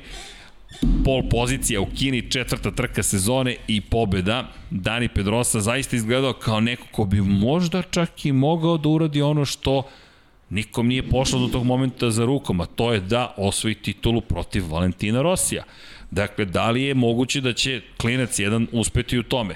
Ako se vratimo u tu 2006. godinu i ako ispratimo sezonu kako je izgledala, ako pogledamo na kraju sezone znamo da je Niki Hayden osvojio titulu. Međutim, ako se vratimo na Kinu i ako dođemo na taj moment, inače pričali smo u specijalu o Valentinu Rosiju koliko je za njega to bila teška sezona. 72 poena posle prve četiri trke, Niki Hayden. 59 bodova, pozicija broj 2 na Ducatiju, Loris Capirosi. 57 poena, pozicija broj 3, Dani Pedrosa. Dani Pedrosa, Marko Melandri inače bio četvrti, Casey Stoner peti, pa tek onda Valentino Rossi. Dakle, mi posle Kine imamo Danija koji je na poziciji broj 3. Odemo u Francusku, u Francuskoj se situacija menja, Dani Pedrosa inače treću poziciju zauzeo na kraju te trke, ali ono što je važno, za 5 poena smanjuje razliku u odnosu na Nikija Hejdena. Inače, Rossi ni tu trku nije završio, još jedno odustajanje, Hayden 83, Dani Pedrosa 73. Problem za njega, Marko Melandri je skočio, Marko Melandri koji posle pet trka ima dve pobede, inače to, to, to je tek zanimljiva sezona, Marko Melandri šta je radio te godine, Loris Capirosi ga preskočio, pada na četvrtu poziciju, kakva dramatična sezona, ta sezona zaista je jedna od onih koje koje se pamte na sve moguće načine.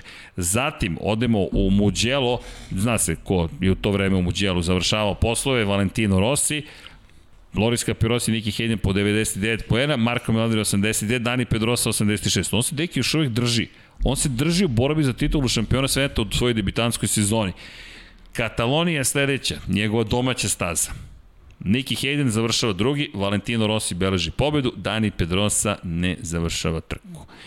I to je početak debitanske sezone u suštini. I to je... Pa, jedno nezavršavanje trke jedna povreda i ti si ono 50 bodova praktično minusu u, u, u nekoj konstelaciji i nekoj računici sa, sa maksimalnim brojem bodova. I to je u, u tim, tim sezonama bilo jako, jako nezgodno.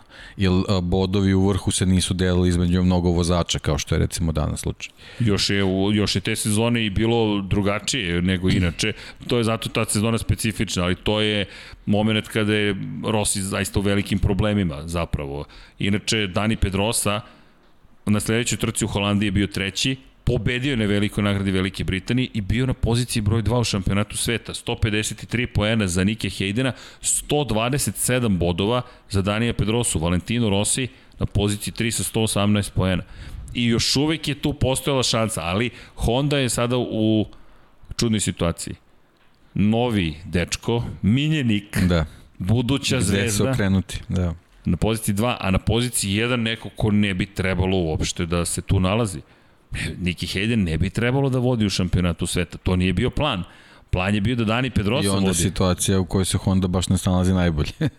to, da. to su te situacije, da. Da, i podrška. Pa Niki Hayden ne možemo baš reći da dobiju neku ogromnu podršku. Pa da, da, to posebno iz ove perspektive kad su radi analiza, nisu se oni okrenuli ka njemu. Ne, ni, ni, čak ni u toj sezoni se nisu okrenuli. I dalje su gledali ka Daniju Pedrosi.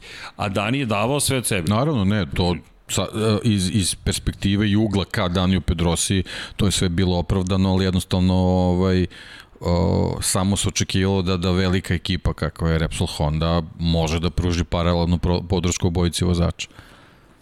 Ali mislim da ni oni nisu verovali da će, da će Niki uspeti da, da u duelu sa Valentinom Rosijem izađe kao pobednik. Da li je Iko verovao? Ja, da, pa. Da li je Iko verovao? Da. Pogotovo kada se se vratili za posle letnje pauze i Rossi krenuo da bude Rossi. Da druga pozicija pobeda, Dani se držao, pobednička postoja su i dalje bila tu. I posle Malezije, četiri trke pre kraja, 214 poena za Nike Hejdina, 192 za Danije Pedrosu. To i dalje dostižno, dakle da. to su i dalje 22 poena razlike, Rossi međutim je sada na samo 4 poena za ostatka odnosno na Danije Pedrosu i polako ide ka Nikiju Hejdenu. To sada više nije nedostižna razlika, sada je to 26 poena razlike pred odlazak u Australiju. Australija koja problem, problem za Danija. Nekako Australija kao da je ponovo slično onome što se desilo baš problematično. Samo jedan poen osvaja i tu zapravo se završava njegova bitka za titulu šampiona sveta. Marko Melandri, spektakularna pobjeda, ako se ne sećate proslave pobednika, to treba da pogledate. Marko Melandri, ovako, pun gas, ovamo je usmeren motocikl, izlazi iz krivine u levo i pozdrav publici uz spaljivanje pneumatika. Inače, to je čuvena trka po tome što smo prvi put videli bele zastave u istoriji ovoga sporta. Ali za Danija Pedrosu samo jedan poen i tu je praktično ispao iz cele priče. Japan, njegov voljeni Japan, je bila sledeća stanica. Dani Pedrosa 9 poena, nije to to i onda dolazi nešto što moramo da spomenemo, a to je velika nagrada Portugala. Čisto podsjećanje radi Niki Hayden, 236 poena, 224 Rossi, u tom trenutku Dani 202 poena, šanse da bude šampion sveta su, pa možemo reći, nepostojeće. Odemo u Portugal i Dani Pedrosa od svih ljudi na stazi koje može da sretne, uspe da obori sebe i Nikija Haydena.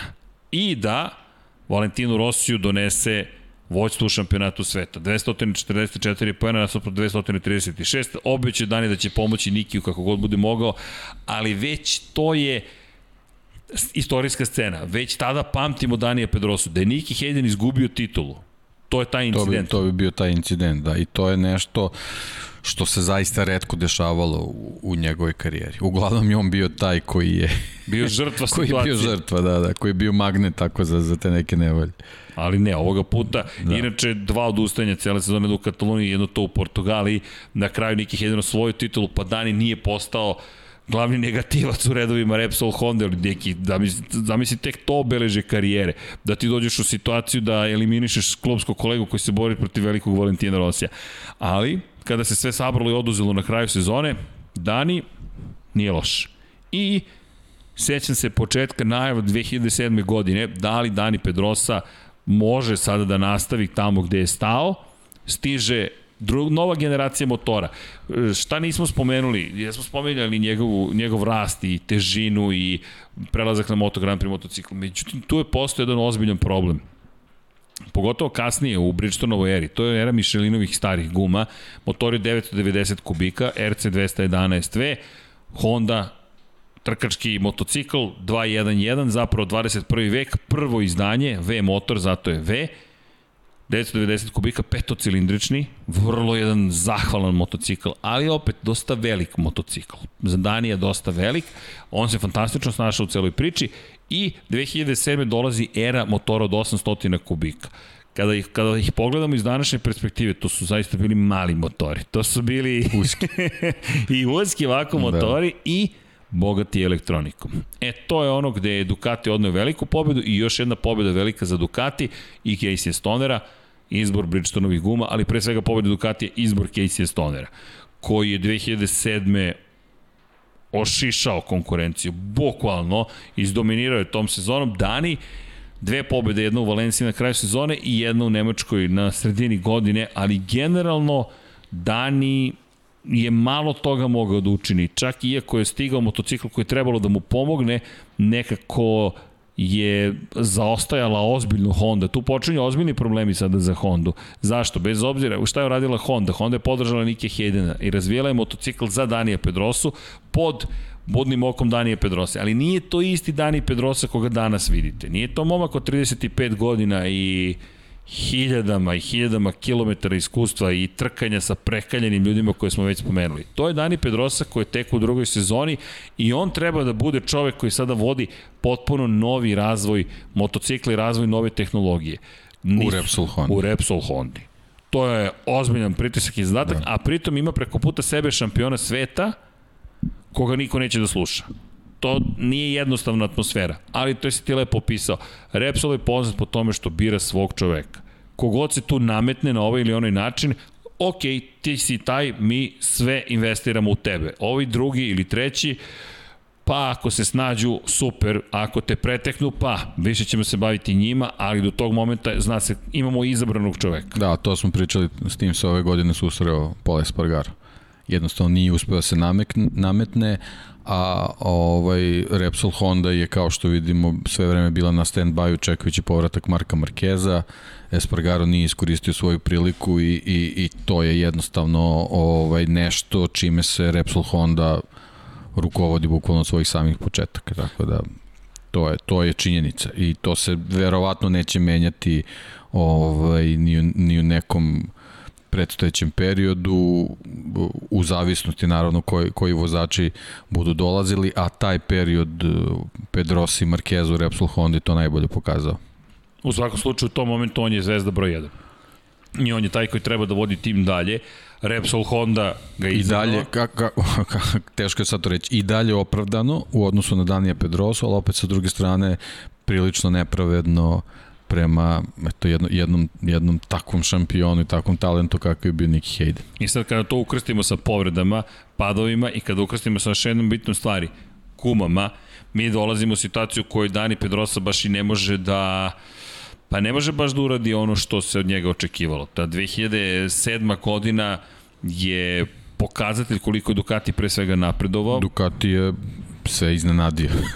Jednostavno to je to je bilo ta ta ta prva trka, taj startni pravac, to, to taj odlazak, to je Ali, ali vidi, to je bilo neverovatno. Da, nešto. i to jeste izgledalo da. za onih koji se ne sećaju, to otprilike izgleda ovako. To, ne, to otprilike izgleda mir, mir protiv Zarka u, ove godine. Pa, pa to je, to je, to čak tako i više da, od toga. Da, da, pa Zapravo, da, da, da. Rossi koji izlazi prvi da. na startno ciljni pravac i Casey Stoner koji samo ovako ga obiđe i nestane negde u daljini. Kao, kao da je druga kategorija motocikla. Jeste, je tako izgledalo je tako.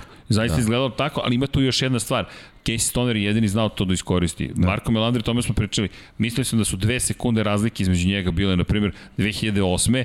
Ali zapravo tri sekunde po krugu u Holandiji je bio brži u kvalifikacijama Casey Stoner odnosno na Marko Melandri. Tako da to nije samo Ducati, neće kombinacija stvari, a to je Ducati, zajedno sa Casey Stonerom, voda za mene, hvala vam, Lord Vader, hvala. Molim. Dakle, vidite kako snabdevaju nas vodom. Hidratacija, mnogo pričamo, ili mnogo ja pričam, ali dobro. U svakom slučaju, ali deki ti kad kažeš, ti ga kažeš. Ja sam dobio ovaj deo Ja s tim brojima, to sad već polako, moment, ja sam da. u godinama, ne mogu ja to sve, da, moji klasteri se polako odumiru, ja, tako da ti si za to. Da. Hvala vam, hvala vam, hvala vam. Čekaj, Imaš i garanciju. Je ovo bio fatality, manje? Da.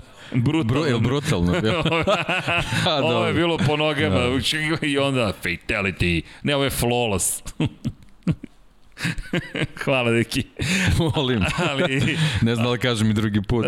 nemoj, molim ja, te, ne, nemoj. Ali činjenica je da su Ducati, Stoner i Bridgestone uradili nevjerovatan posao. Šta radi Rossi umeđu vremenu? Bira Bridgestonove gume. Pedrosa ostaje na Michelinu i to je jedna od najvećih drama koje smo imali prilike da gledamo zapravo. Ako se dobro sveća, mislim da je bila velika nagrada Nemačke, kada je Michelin i Nešelin se preporučuje svojim vozačima da voze po suvom na gumama za kišu.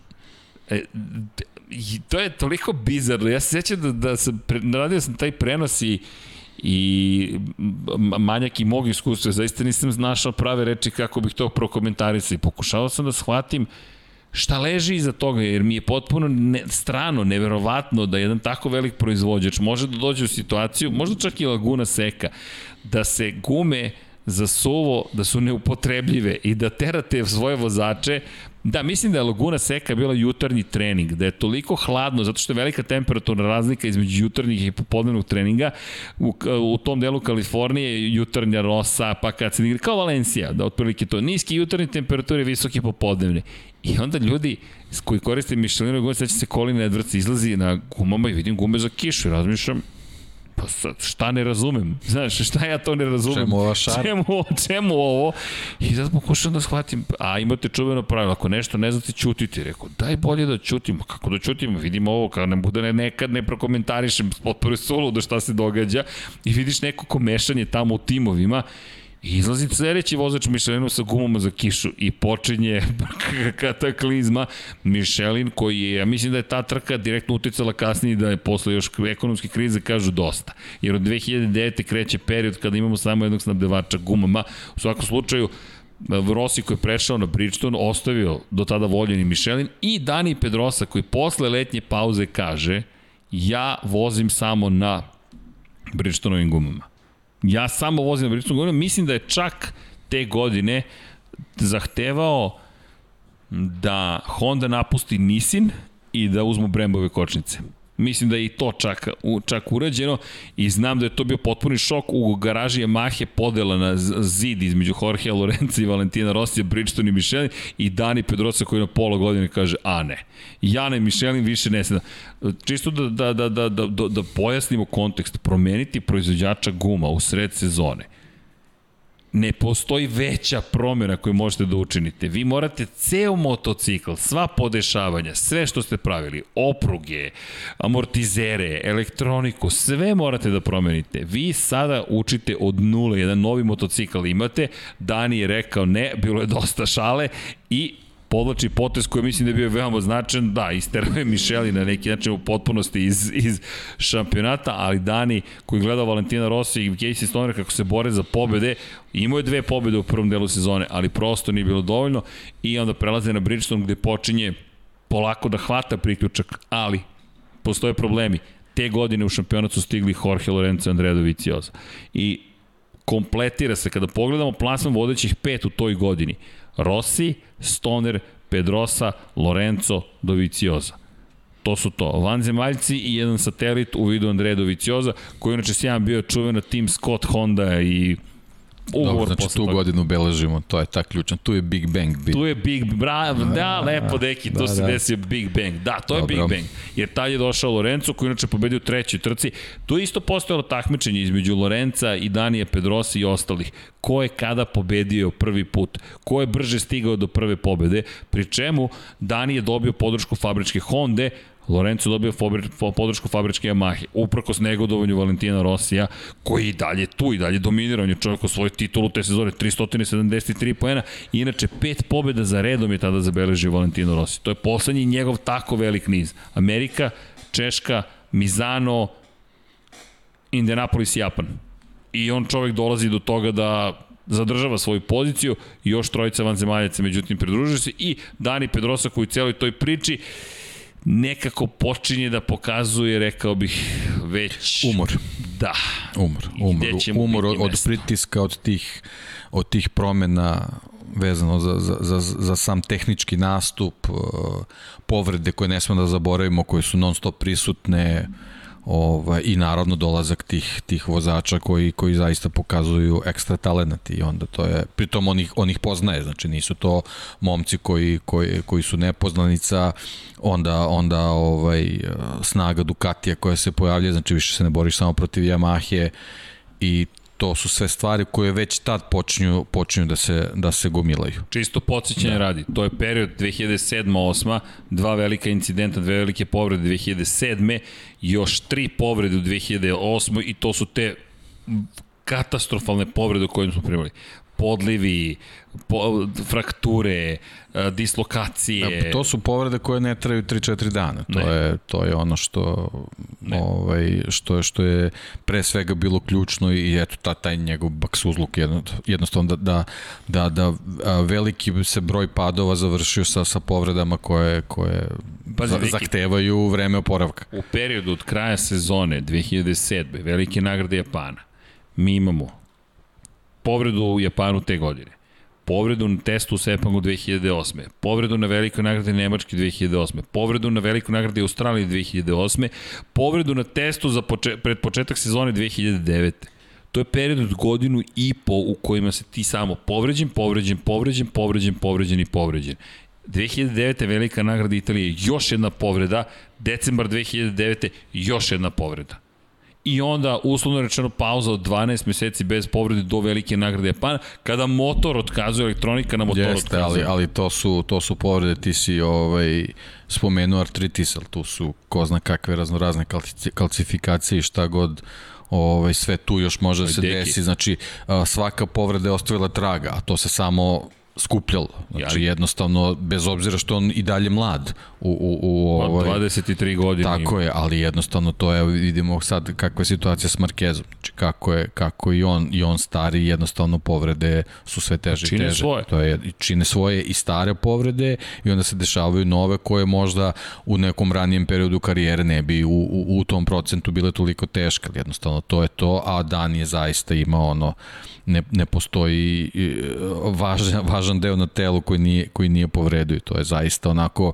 jedna jako, jako, va, jako važan faktor sa kojim su stvari nosio već u tom delu karijere. A počeli su da dolaze ovaj, sve veći i veći rivali. Od 18 povreda tih velikih, 7 ih se desilo u tom periodu. Da. 7 ih se da. desilo u tom to, periodu. To je verovatno taj, taj neki, ako sad možda napravimo presek, ti si sad super spomenuo sve te rezultate, ali ako napravimo presek, kad to sve saberemo, u stvari to je taj period gde on gde je treba u stvari da iskoristi da, da situaciju da dođe možda do svoje titule, ajde recimo kad već spominjamo na primjer da bude ta 2006 ovaj, i onda bi nekako i pritisak pao s njega i, i negde sam pročito da, da je po, po nekim analizama i neke statistike što su radili, ne znam po kojim sve parametrima, Dani Pedorosa je bio čovek vredan tri, tri titule. Bukvalno je u, svom, u svojoj karijeri u Moto Grand Prix kao vozač Repsol Honda trebalo da dođe do tri titule. Sad kome bi se oduzele te tri titule, to, to u tom tom, toj analizi, tom tekstu nisam pronašao, ali jednostavno to je, to je nešto što se ocenjuje kao vrednost Danija Pedrose kroz te titule što smo malo pričali kao nekoj diplomi ovaj, njegove, njegove vrednosti veličine. Ako se vratimo, hajde, preskočili smo, ali ako pričamo o tome koji je bio ključni moment, e, ključni moment, prosto taj lepo si rekao, 2006. je bila Pa recimo, eto, sad, najveća šansa. Sad si podsjetio pa da. tu, tu, za, tu, ovaj, na tu sezonu i et, eto, jednostavno iz, izbog tog statusa koji mu Repsol Hondi, to je u stvari trebalo da bude njegova godina. I imao je, doći ćemo do toga, bilo je tu još par prilika, ali sve mu se poklopilo, savršeno da. luja praktično što kažu, 2009. inače, uprako svojim pokušajima da, da i tim prelaskom rani na Bridgestone nešto više učini, Dani do velike nagrade Sjedinih američkih država nije zabeležio pobedu 2009. Prosto, opet Rossi mu se tu isprečio. Jorge Lorenzo već je stasao u vrlo ozbiljnog rivala, mi to više ni ne pričamo. Casey Stoner je već bio tu. Pa, ali pazi sad ovo, zanimljivo, ta 2009. meni fascinantna godina. Casey Stoner je već u problemima.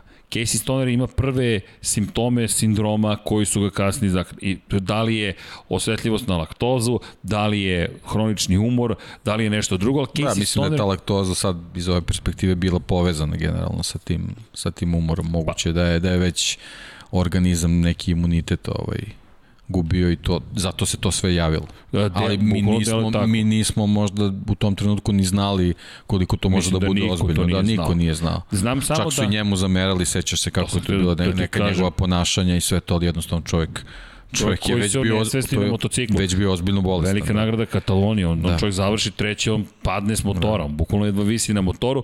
Mnogi su rekli da se prenemaže, vrlo ružni nadimci i tako dalje, a najveći problem bio što je tim Ducatija verovao da zaista lažira. Simulira, da, da. Da simulira i da ne može da podnese poraz. A pri čemu, čisto da budemo načisto, Casey Stoner sa tim Ducatijem ako gledamo ko je među vodećih 10 u šampionatu na Ducatiju, samo jedan čovek je na Ducatiju među vodećih 10 i to je bio Casey Stoner. Prvi sledeći Ducati Niki Hedin koji je bio 13. na kraju te sezone dolazili su i neki novi igrači, ali Stoner je u padu forme i ne samo to, u padu slave deki. To je ono što je meni fascinantno. Ne pričamo više o Casey Stoneru, iako je svoju titulu. Otprilike mislili smo da je one, one year wonder, da je to onaj moment. Bio sam, Rossi me je pobedio 2008. Tako to je, je to, da. i to je to. Tek kasnije i tim odlaskom u Hondu, pa i onda analizama njegovih trka i šta je sve proživeo, dobiješ sliku toga da je to bio jedan poseban vozač. Ali, Dani Pedrosa, sada više nije toliko relevantan u kontekstu osvajanja šampionske titule. Kako je brzo i kako je surovo. 2006. ti si, ti si, ti si Golden Boy, ti si rođen, ti si taj. Dolaziš u sezonu posle tri osvojene titule, u dve različite kategorije, dominiraš. Prva sezona, ej, dosta dugo si u borbi za titulu šampiona sveta, promene pravila, problemi, povrede, gume, šta sve ne, Rossi, Stoner, Stigoti, Lorenzo, Stigoti, Doviciozo, ti do 2009 više nisi ni zanimljiv čak. To je meni fascinantno. 2009. Repsol Honda je u svoje redove dovela Andreu Dovicioza. Nije to baš bio odmah uspešan eksperiment, tu smo tek mogli da vidimo koliko i Doviju treba da se prilagodi. Pa peti, dobro, peti, kao, kao i gde god je bio. Gde god je bio, gde tako god je, je bio. traži vreme. Peti, peti, osmi, četvrti, četvrti, da. četvrti, tri odustajanja, pobeda u Toningtonu za Dovicioza, ali to je sada već geneza ovog tima koji ovde vidimo i u tom momentu Dani Jeste treći u šampionatu sveta, ali to su tek dve te pobjede o kojima pričamo. Malo, malo, vremenu, suviše malo. Malo. A umeđu vremenu, Jorge Lorenzo počinje da ugrožava Valentina Rosija, koji na kraju brani titulu. Ras, rasplamsava se ozbiljno. Rasplamsava se ozbiljno da, da. tuča, da. a videli smo da je Rossi eliminisao još jednog rivala u vidu Casey Stonera. Dani Pedrosa nekako, nekako nije ni došao do tog stadijuma i ima u toj sezoni bilo zaista nekih fenomenalnih trka. Jedna od trka koje, koje, koje koje pamtim jeste ta trka, na primjer, u Kataloniji. To mi je bilo fascinantno. Rossi, Lorenzo i Stoner su bili na pomoćkom poslu. Šesti je bio Dani Pedrosa, jer čak i godinu ranije Katalonija je bila vrlo interesantna. Pa, i, I sad Katalonija koja treba bude njegova staza, nekako stvari se ipak ne dešavaju. U svakom slučaju, 2009. poluvidljivi Dani Pedrosa. Bukvalno, ne znam da li postoji bolji termin od toga I onda dolazi 2010. koja mora da bude godina u kojoj se on vraća u igru. On mora da se vrati u igru, međutim, iako je pokušao, opet nije bilo dovoljno. Jedna od ključnih trka, po mom mišljenju, u karijeri Jorge Lorenza i Danija Pedrose, pa i Valentina Rosija, je velika nagrada Španije u Herezu. 2010. godine. To je druga trka sezone. U prvoj trci sezone pobedio Rossi u Kataru, ispred Jorge Lorenza. I činilo se, nastavlja se prosto niz. Dolaze u Španiju. Pol pozicije Danija Pedrose. Rossi i Pedrosa vode glavnu bitku. Lorenzo pada na dve sekunde za ostatka u Jerezu. I seća se da smo izgovorili, ok, to je to. To, to, to je bukvalno to. Dakle, ipak Dani Pedrosa će igrati veću ulogu i Lorenzo počinje i sustiže, i sustiže, i sustiže, i sustiže, pretiče jednog, pretiče drugog, Na kraju pobeđuje Jorge Lorenzo i od tog momenta kada su se stvari zaista suštinski promenile, zašto četvrta trka sezone, velika nagrada Italije u Mugello, inače u Francuskoj na narednoj trci je pobedio ponovo Jorge Lorenzo, Rossi je bio drugi uprkos pol poziciji, Rossi lomi nogu, Rossi lomi nogu, Dani Pedrosa beleži pobedu, ali iskreno neko sam utisak da je Lorenzo bio više nego spreman da istrpi poraz tog puta u Muđelu. Atmosfera u Muđelu nije da. bila, je bila kompleksna. Da, da, da. Vrlo kompleksna. Dani pobeđuje, ne kažem da nije zaslužio, samo mislim da je to bio splet okolnosti i onda kreće period kada Lorenzo dominira. Pobeda, pobeda, pobeda, drugo mesto, pobeda, pobeda.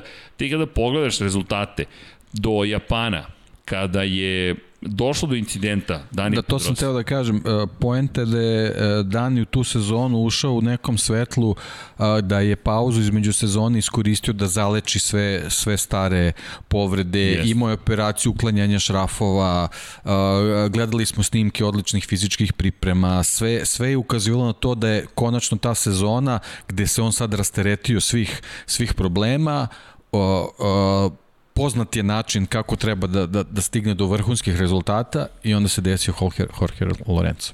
Bukvalno mu se desio da. Jorge Lorenzo. Da. Inače, ta sezona uopšte nije bila toliko neizvesna. Čak i do Japana, uprkos tome što nije bilo povrede, uprkos činjenici da Dani bio odličan. Pazi rezultate. Sedmi, drugi, peti, pobeda, osmi, drugi, drugi, pobeda, nezavršena trka, to je Amerika problematična bila, drugi, pobeda, pobeda, drugi. U osam trka, do Japana. Čovek je stalno bio na pobjedičkom postu i ne samo to, on je zabeležio tri pobede i četiri puta je bio na poziciji 2. Jednom je izletio sa staze, tu izgubio kontakt s Lorencom. U Japanu, gde je Juri poslednju šansu... To je bukvalno poslednja šansa bila, da. Pad. To je, to, to, to, I to pad zahvaljujući kvaru na motoru. I ti kažeš, ok, da li je moguće da Dani Pedrosa neće se pojaviti? Da. Nije startovao u Japanu, nije se pojavio u Maleziji, u Australiji je pokušao da vozi odustao je, 8. 7. na kraju, Lorenzo 383 poena i kraj. Kao da to nije bilo dovoljno za Danija Pedrosu. Honda potpisuje ugovor sa Casey. Sad sam to hteo da kažem. Znači, iako završavaš tu sezonu i kažeš, dobro, ok, ajmo sad reset, nije bilo tako strašno, tu sam, blizu sam bio, hajde da se spremim za 2011. Ne. Odgovor je ne. Da. Dobit ćeš ovaj Dream Team ovde, nama je Dream Team, a znate šta je ovo? Ovo je tim zvani uh, ugovor se nije mogao raskinuti. Čisto da pojasnimo, gospodin u sredini sa brojem 4 ima u tom momentu validan ugovor za 2011. godinu. Po pravilniku vi možete da imate tri vozača, možete i četiri ukoliko imate para, Repsol Honda je imala para. Elem, Dani Pedrosa postoje u ekipi, to je rekla Honda. Casey Stoner dolazi u ekipu, to je rekla Honda.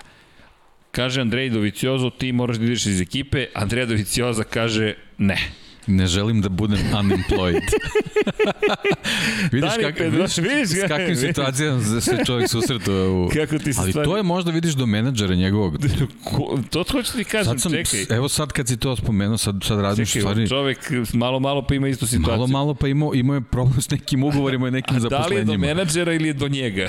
Pa sad ja, ja ne znam I ko, on ko kaže- vodi, znači nije, nije ovo baš tako mali nivo da, da sad vozač mora sedi da sam Možda razgovara o tome. instrukcija jasna, ne znam, samo Da, kažem... da, da. Sad vidiš, sad, sad to, to ćemo morati jednom da, da analiziramo još jedan, ovaj, u stvari nije ni bio specijal, Specijal o, Andrej Doviciozo. nije, pa da, da. Ali čekamo da se vrati na da. stazu čovek, Da. čekaj, to, to će biti To je, 204. ne, 444. ne 404. Može. Pošto ima može, 0,4. Može, 404, Da, je može. bio je četvorka, Pa kad je, to je 0,4. uskoro, ali tako, to je za to par kako godina. smo krenuli ovako. 404 specijal. 404. Ovaj podcast, A da. u 505 samo idemo u bombone. Da. Ali u 404 pričamo o Doviciozu, ali to ne znači da, da sutra se neće desiti 404. Kod nas to nema pravila. Mi samo posle slažemo u police po, po broju. Sad, sad je malo Sad- sad je razbacano, malo ali razbacano, složit ćemo lepo, da. E, Elem, i, i sad, pazi sad ti sudbinu Danije Pedrose. Zalečio si povrede, sredio si stvari, pojaviti se Lorenzo, kao da to nije dovoljno, pokvariti se motocikl, a Honda potpiše ugovor sa svetskim šampionom, Casey Stonerom, koji ti je rival iz prethodnih sezona u nižim kategorijama i koji je dominirao već jednom sezonom. A povrh svega, Andreja Doviciozo kaže, ja odavde ne idem, pa vi vidite šta ćete, vi ste dužni da ispoštujete ugovor ili ga otkupite za ne znam koju svotu novca. Ali mislim da čak nije hteo da prihvati ni novac, da je rekao, ne, ja ostajem u Repsol Hondi. I zato smo dobili Dream Team koji se zove... I lep poster, da. I lep poster. I neko je pitao zašto nemaju tri vozača. Dorna je kasnije uvela pravilo da i možete maksimalno dva takmičara da imate u svojoj ekipi. Nažalost, moram to da Pa priznam. dobro, mada, okay. sad mada, KTM ima četiri, Mada, sad onda, onda kupiš drugu ekipu, Pa da, jer Dorna da. je sredila zapravo da manji satelitski timovi prežive. I da. hvala i na tome, jer u imaš suprotnom četiri KTM-a, imaš četiri Ducatija, da kažemo, fabrička. imaš tri po Yamahi. I imaš tri, tri Yamahe, imaš tri po Honda, i eto, to je to. Ne, imaš četiri Honda, Pa imaš četiri ali... na papiru, da. Znaš šta da. mi e, moram da otkrijem da. jednu, jednu statistiku. Da li znaš koji je vozač koji je imao najmanje završenih krugova od potencijalnih krugova ove sezone u procentima? Najmanje Završenih krugova, krugova od mogućih krugova u procentima, da ne bude apsolutna brojka, relativna. Momčilo je radio analizu. Ne, ne bi mi nikad palo na pamet. Ne, ne mogu ovako. Alex Marquez. Alex Marquez. Pomislio sam na njega zato što kao veže se na priču, vidi, vidi, ali sam mislio da je trik pitanje. kako su se spremili, Momčilo, Vanja. Meni je, meni je Petrući bio, pošto se sećam onog početka ove sezone, Pogledaj. ali vidiš Marquez, da. Pogledaj, Alex Marquez, da, da. 68,7 poena. Petrući, Ma, Mark Marquez. Ma dobro, Mark Marquez. Ali dosta i padao. Ne, ne, ne. Pa jeste, ali... Ovo je potencijalnih Ne, ne, sve okej, okay, procent, jasno mi je, Da. jasno mi je, da, da. Ali vidi Marinija, Maverick, da. se Fabio Quartarara. Ljudi stižu do cilja. Ovako ili onako stižu do cilja. I vredni Franco Morbidelli.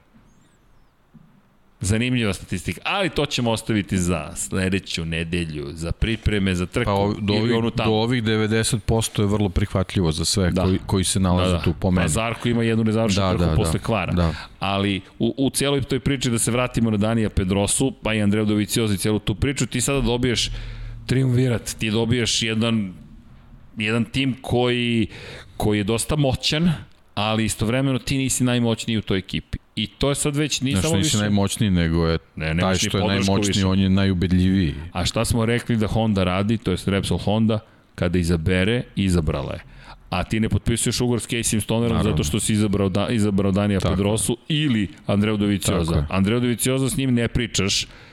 Dani Pritom već u tom trenutku na klupi za rezerve Mark Marquez. Polako ali sigurno. Polako ali sigurno i, i, i stiže, I, iako je, ali ve, već ga gledaju. Oni ga Ma, već ga gledaju, sećaš se kako je bilo u Brnu smo baš, baš bili kad, kad, kad sam ja uzao Da, ove, 2011, ove suvenire, jeste. to sve uh, Motorhome je imao broj 93 na sebi u, u Moto Grand Prix padoku. Bili kad se, kad se spremni. to desilo, pa da. Bili da. su To je znači kao sad kad bi, ne znam, KTM napisao Akostinu A to 30 ti je sedmicu na, na od. Muđela do Brna. U Muđelu to nije Da. bio slučaj. Da, da. Mi smo bili u Muđelu te godine, do Brna je već bio ubačen Mark Marquez. Da. Elem, Repsol Honda tim, dakle ima, ima tu situaciju, Valentino Rossi odlazi u Ducati, pomisliš, ok, oslobodio sam se Rosija. Znaš, nema više kralja Moto Grand Prix, oslobodih se. Ali sad imaš novog kralja, zove se Jorge Lorenzo, a stari isto jedan kralj se sad dolazi u tvoju ekipu i na kraju sezone Ono što je meni bilo fascinantno u celoj toj priči jeste, zahvaljujući incidentu s Markom Simončelom, 2011. baš teška godina za Danija Pedrosu, je Dani bio najlošiji vozač Repsol Honda ekipe. Andre Doviciozo bio uspešniji od njega na kraju te godine kada je reč o broju poena. Titulu osvaja Casey Stoner. Rezultati su pobjeda, odustajanje. Treći, pobjeda, pobjeda, pobjeda. Drugi, treći, treći, pobjeda, pobjeda, pobjeda, pobjeda. Treći pobjeda, treći pobjeda, pobjeda. Ljudi,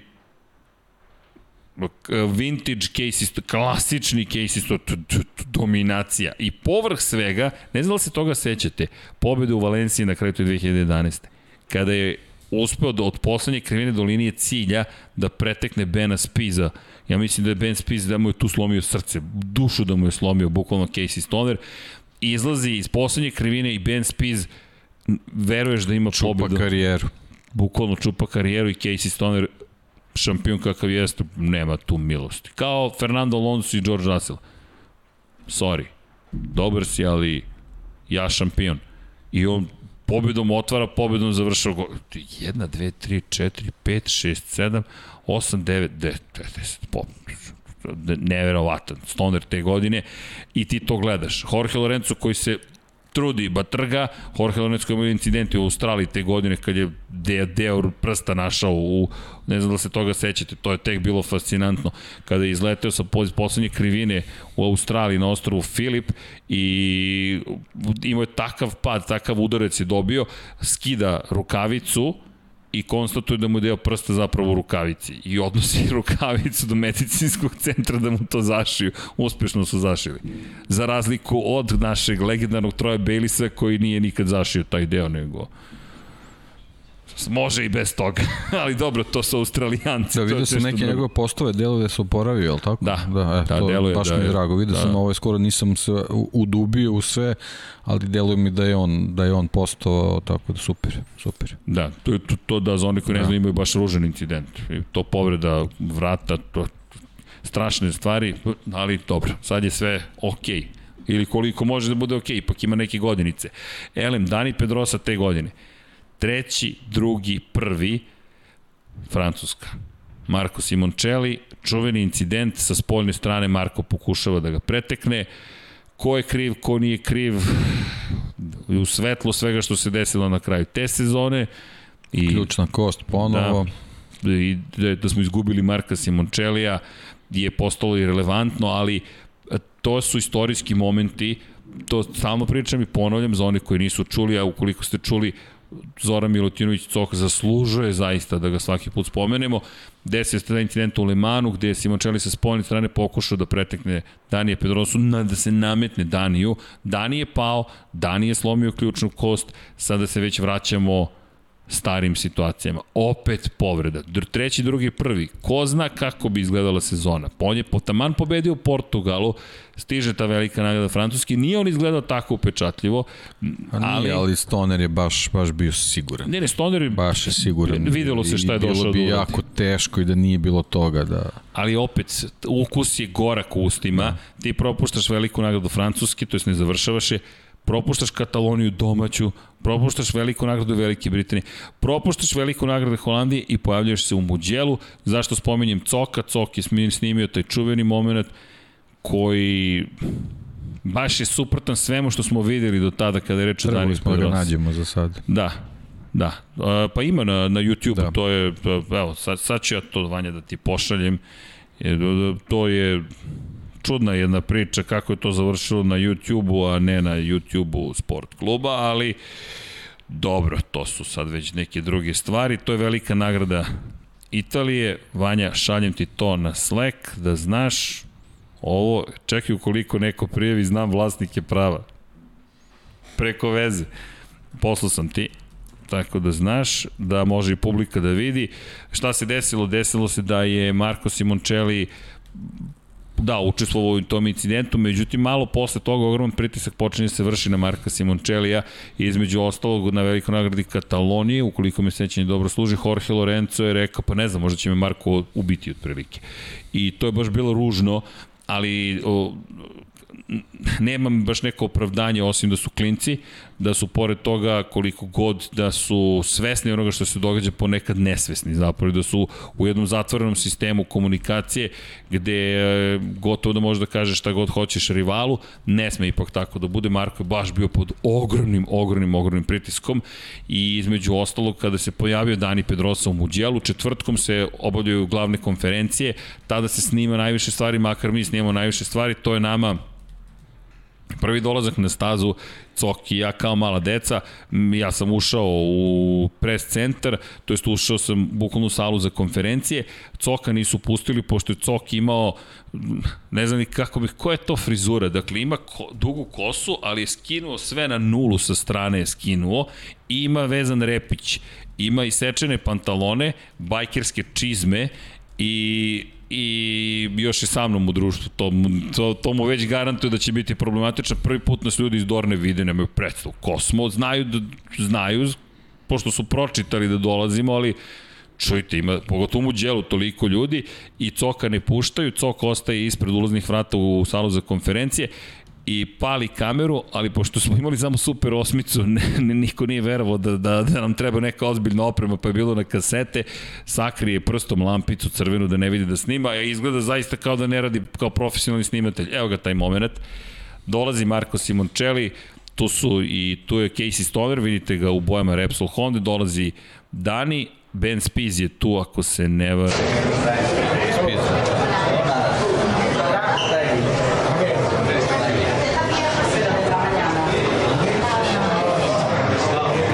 dolazi Valentino Rossi u bojama Ducatija. Kratak segment, ali segment koji je toliko značajan da je završio i u Hitting the Apex. Moram predati da sam tu ponosan s obzirom činjenicu da Brad Pitt daje komentar našem snimku, pre svega Cokovom snimku Zorana Milutinovića, da ga spomenem još jednom, trenutno živi u Toronto u Kanadi i radi Cok, ako slušaš, pozdrav. Elem, taj snimak zapravo je pokazatelj koliko je bila zaista zategnuta situacija. Dani je odbio da se rukuje sa Markom Simončelim, prosto niko nije ni mogao da pretpostavi šta će se desiti. Ali to je i ono što smo na početku pričali o Daniju. Nema pretvaranja, ne, nema. nema, nema nekih izmišljenih lažnih situacija, nema maski. On je jednostavno u tom trenutku tako reagovao zato što je tako i mislio i to je Jest. to. I, ali Dani prosto neko ko je brzo našao tlo pod nogama. U Nemačkoj već na sledećoj trci beleži pobedu.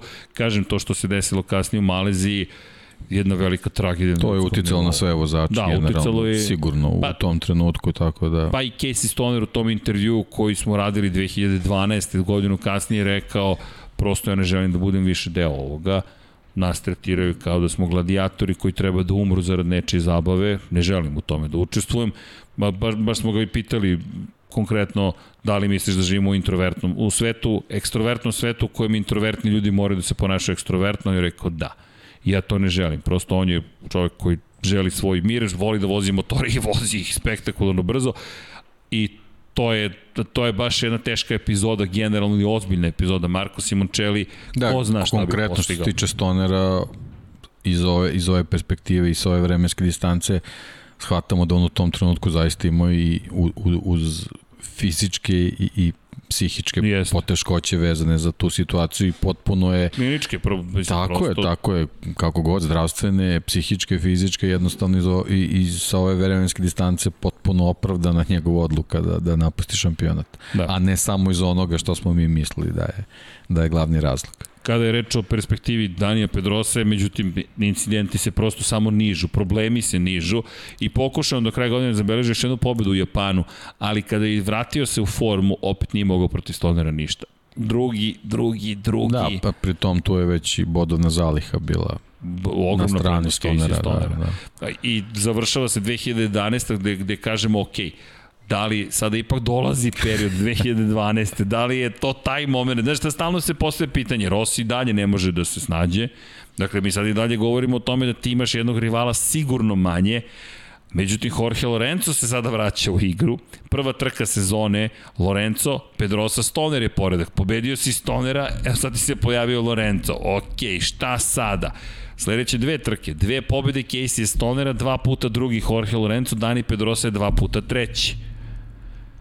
Dani ne može da dođe do, do, do, do izražaja bukvalno, međutim, iako je taj period, prvi deo sezone obeležen uspesima Lorenza i Stonera, Stoner nije savršen, naprotiv, i dešava se ozbiljno, naravno, problem Casey Stoneru, kada govorimo o, Casey-u, mi pričamo sada već o i o ozbiljnim incidentima. Jednostavno kada pričamo o Indianapolisu, na primjer, kada pričamo o padu koje je doživeo Casey Stoner, otvaraju se neka druga vrata. Ne kažem da je, da iko želeo da se ta vrata na taj način otvore, ali otvarila, otvorila su se. I Dani koji u nastavku sezone odlično počinje. Velika nagrada Češke u Brnu, on beleži pobedu. Pre toga pobedio Indianapolisu, pre toga bio treći u Americi, ali konstantno je tu, ne popušta. I pomisliš, ok, to je taj trenutak. I deki, dolazi jedna od najbizarnijih trka koje, kojih se ja sećam, velika nagrada San Marina i Riminija, to je srceparajuća trka. Iz moje perspektive, ja mislim da je to baš srceparajuća trka. Ne znam da li postoji, da li postoji bolji termin za to, ali Dani Pedrosa, čisto da znate gde je, koja je situacija u šampionatu u tom trenutku. 232 poena ima. Jorge Lorenzo vodi sa 245. Dakle, mi govorimo o samo 13 bodova razlike, 6 trka pre kraja. Mi govorimo o tome da je Dani u igri. Mi govorimo o tome da je Dani završio sve trke do tog trenutka. Jorge Lorenzo nije završio jednu, konkretno u Holandiji. Međutim, Dani, drugi, treći, treći, četvrti, drugi, treći, drugi, pobeda, drugi, treći, pobeda, pobeda. To su rezultati. Deki on ne silazi iz pobedničkog postojanja, samo u Francuskoj je bio četvrti. Lorenzo, pobeda, drugi, drugi, pobeda, pobeda, pobeda, pad, drugi, pobeda, drugi, drugi, drugi. Sad je ušao u tempo, on počinje da pobeđuje Lorenca. Pri čemu Stonera sada polako više nema. U igri Stoner 186 pojena. Već imaš prednost od skoro 50 bodova u odnosu na Stonera. To je između tebe i Jorgea Lorenca koga ti sada počinješ da pobeđuješ. Dolazi velika nagrada San Marina i Riminija i Pomisliš, ne pomisliš, jedva čekam tu trku zapravo. Zašto? Zato što možda Dani u 2012. zaista ima šansu. Šta se još desilo 2012. godine? Velika nagrada Italije u Mugello, a Repsol Honda saopštava Ne, prvo velika nagrada Francuske, Casey Stoner saopštava, ja se penzionišem na kraju ove sezone. Velika nagrada Italije, Repsol Honda saopštava, mi potpisujemo ugovor s Markom Markezom. Ok, to je to. To je to, to, to, je, to, je, to je tvoj sprint. I Stoner više nije u formi, ima povrede.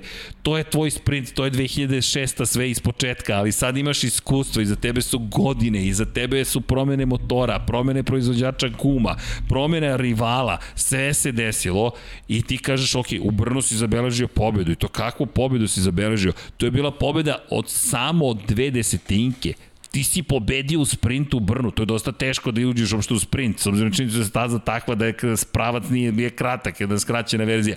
Ti si sve uradio što je trebalo, pri čemu ti se boriš protiv Hondi i Karl Kračov i Andredović Ozoran na teh trojkama, imaš komilu stvari koje ide protiv tebe i ti si ipak uspeo. Dolaze kvalifikacije. Jorge Lorenzo gubi bitku. Dani Pedrosa je 18.000 tih delova sekunde brži od Jorge Lorenza. Osvaja pol poziciju, on je sve uradio što je trebalo. Zagrevanje jutarnje. 10.000 tih delova sekundi deli Danija Pedrosa odnosno na Jorge Lorenzo. To je njihova bitka, to je to. Idemo jedan na jedan i to je za titulu. I i mehaničarima Repsol Honda se zaglavi greč prednje gume u blatobranu. I Dani Pedrosa mora da startuje iz pit lane-a. 10 sek... Ne, ne, ne, ne, izvinjam se, nije pit lane. Sa začelja mora da krene. Samo da ponovim, 13 poena razlike u šampionatu. Osvojio si pol poziciju. 10.000 tih delova sekunde si spored Lorenza. Casey Stoner se penzioniše. Stiže ti Mark Marquez počinješ da pobeđuješ Jorge Lorenzo, imaš dve pobede za redom, to je to, nisi povređen. Sve je okej, okay, nije ti se motor pokvario. Zaglavi se greč pneumatika u prednjem blatobranu. I ti, ti znaš da je to, to je to, da je, da je Dani Pedrosa. Ti znaš kažeš, ok, ovo je, da, ovo je Dani, ti nemaš više ništa da prokomentariš. Da, godinu u kojoj nema teške povrede, nema, nema teških padova. Ne. Jednostavno, nema. kao, to je, to je to, kao sve na moje strani. Da. I ne, ne, ne, ne, i ti, i ti kreneš i onda sretneš Hektora Barberu u krivini broj 8, koji je rešio tog dana da... To je verovatno ta jedna od te tri titule koje su da, bile namenjene. Da. Bukvalno, da. ali ne... Da 2006. 2012. eto. Ne, ali kad sam vidio duel sa Hektorom Barberom, pramak Ducati, Hektor koji nema, ne, nije na koji način ne učestvuje u svemu tome. I Dani je eliminisan u prvom krugu. Ćao. Gotovo. Kraj. Jorge Lorenzo, čist put do novih 25 pojena. I ti sad imaš 38 bodova prednosti. To je sad već potpuno drugi šampionat. I Dani se nije predao, Dani se nije predao. Tri pobede za redom Danija Pedrose. Tri pobede za redom Danija Pedrose. Ali Jorge koji ne žurim ja nigde. Dovoljna razlika da možeš taktički da voziš. Mogu da budem i drugi. Što on da ume. On ume. Mogu da budem Ume na štopericu, ume, ume. na taktiku, sve kako treba. I ostane zaglavljen grejač prednjeg pneumatika u Blatobranu. Repsol Honda. Repsol Honda, pa čekaj, dok si ti na pol poziciji ispred svog ključnog rivala Ne, ne, apsolutno bez ikakvog komentara. To je taj nenametljivi Dani, Dani Pedrosa koji jednostavno smatra da svako treba da radi svoj posao, verovatno bez neke velikog pritiska, neke velike tenzije ka ekipi i eto, jednostavno se desi dekoncentracija i on je taj bio koji je ispaštao. Da li šta se sve desilo. Znaš, ti moraš zaista, ja ne znam, ja sam ponekad pitan da li ovaj čovjek, znaš, daj, zato zašto želim pol poziciju, najbrži krug, dominaciju, pobedu, pa da, daj da vidimo makar taj delić. Mada on deluje sad vrlo srećno. Zaista deluje srećno. Inače, nije tu kraj cele priče. Nije, nije ovo kraj. Imamo mi još jednu priču, kada je to bilo dovoljno. Inače, do kraja sezone jedan pad za Lorenza, jedan pad za Danija Pedrosu, na kraju dovoljna prednost Jorge Lorenzu da osvoji šampionsku titulu, drugi put u svojoj karijeri u tom trenutku i Dani da ostane ponovo večiti drugi. I onda stiže 2013. Ok, stigao je Mark Marquez, ali čekaj, on je Novajlija. Ajmo polako, to je ipak Novajlija, Da, titul da, ali verovatno je već izabrano od Repsol Honda, ono što smo pričali, to je u stvari bio neki kraj Danijeve priče. Znači, Dani je jedinu ulogu koju mogu da odigra od 2013. do kraja karijere da, da u nekoj sezoni pokuša da bude Nicky Hayden. Znači, to je, to je jedino što, što mu je preostajalo, ali ono, znamo... Ali deki, Ali deki, Znamo Marka Marquez. Ali Deki nije, ali, ali imao je još... Imao je, naravno, imao je. kažem, to je, to je bila ta njegova prilika. I, i vidi sad, da. pošto je 2012. propalo, ušao si 2013. isto ti kažeš, to je to. Sad si ti dobio svog Danija Pedrosu, što ti kažeš, ovo je svoja sezona, ti budeš Nicky da. Hayden. Da. I pazi, prvih koliko, osam trka? Ne, prvih sedam trka. Da, Mark Marquez je prvi surovi udarac u Moto Grand Prix naneo Daniju Pedrosi. Dani Pedrosa je četvrti završio prvu trku sezone, Mark Marquez je bio treći, ali Mark Marquez posle trke u zatvorenom parkištu kaže da, start problematičan dok sam se našao, onda sam se našao iza Danija, pa sam odlučio malo da odmorim, pa sam odmorio, pa sam ga onda pretekao da nastavim dalje borbu. Pazi, neki, ko izgovori, odmorio sam malo iza klubskog kolege. To je, poruka je vrlo jasna, ja ovde dominiram i izdominirao jeste, pobedio je Marquez u drugoj trci u karijeri, drugi je bio Dani Pedrosa na velikoj nagradi Amerika, ali Dani uzvraća udarac u Herezu i Lemanu, pobeda, pobeda. Mark je tu drugi i treći, Lorenzo treći i sedmi, Pazi, čak se i Rossi tu počeo da pojavljuje. Dakle, pa i Rossi je bio drugi u prvoj treći sezone. Ali, Italija, ve, ve, veoma značajan moment. Jedini pad te sezone Marka Markeza. Lorenzo pobeleži pobedu Dani Pedrose drugi, Katalonija, Lorenzo pobeđuje Dani Pedrose drugi, Markeze treći. Opet si nadoknadio poene odnosu na Markeza, pa i dalje se držiš uz Lorenca i zapravo on se drži uz tebe. Dolazimo do Holandije koja pripada Valentinu Rossiju, to je jedan čudan bio ceo vikend, ali Rossi koji je uspeo da se vrati na povratku na Yamahu popne na najviše stepen pobjedničkog postolja. Marquez je drugi, treći je Karl Kračlov, četvrti je Dani, peti je, Pedro, je Lorenzo. Dva poena doklio. Dolazimo na veliku nagradu Nemačke. Inače, u Holandiji, da ne zaboravimo, Lorenzo je peti bio posle onog pada, preloma ključne kosti, letenja za Španiju, operacije i vraćanje nazad. Dani Pedrosa stiže u Nemačku. 136 poena prvoplasirani u šampionatu. Ima 9 bodova više od Jorgea Lorenza. Ima 23 poena više od Marka Markeza. Mi se približavamo kraju prve polovine sezone. Idemo gde? Na veliku nagradu Nemačke. Zašto je velika nagrada Nemačke toliko važna? Ko je pratio ovogodišnju veliku nagradu Nemačke, zna se da postoji samo jedan čovek, to je da postoji kralj praktično Saxon ringa i zove se Mark Marquez. Ali ako se vratite 10 godina nazad i pogledate rezultate i ko je beležio pobede tamo, kralj u tom momentu Saxon ringa nije Mark Marquez, već je Dani Pedrosa. Zašto?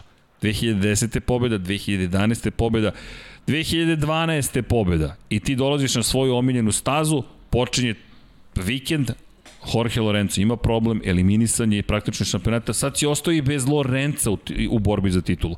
Rossi nije u borbi za titulu. Casey Stoner se penzionisao, dolaziš na stazu na kojoj imaš tri pobede za redom, to je tvoja trka i ti je ne završavaš. I ti je ne završavaš... Uz povredu ključne kosti. Uz povredu ključne kosti. A pobeđuje Mark Marquez i preuzima kontrolu nad da. celom situacijom. On preuzima vođstvo u šampionatu sveta, on je taj ko od tog momenta se više, više nikoga ne pita ništa. 23 poena bila razlika, sad ima 2 poena prednosti Mark Marquez. I onda idemo opet još u Ameriku gde on je nezaustavljiv pa nezaustavljiv i Dani Pedrosa te 2013. prosto tako ostaje bez još jedne šanse da se domogne titule i počinje nova era, počinje era Marka Markeza, koji do kraja godine uspio da sve to kruniše. Pazi, četiri pobjeda za redom od tog, od tog momenta kada je Dani Pedrosa imao taj incident, pri čemu peti je bio Dani u Sjedinim američkim državama na Laguna Seki, šesti je bio Jorge Lorenzo, do Indianapolisa, oni su se vratili koliko toliko u formu, Dani drugi, pa ponovo drugi, pobeđuje Lorenza, ali ne može Markeza, a onda u Velikoj Britaniji Mizanu ne pobeđuje ni jednog ni drugog. Dva puta je treći, u Aragonu još jedan moment koji mora da se zabeleži, nekako si dalje držao do Aragona. Zašto Aragon?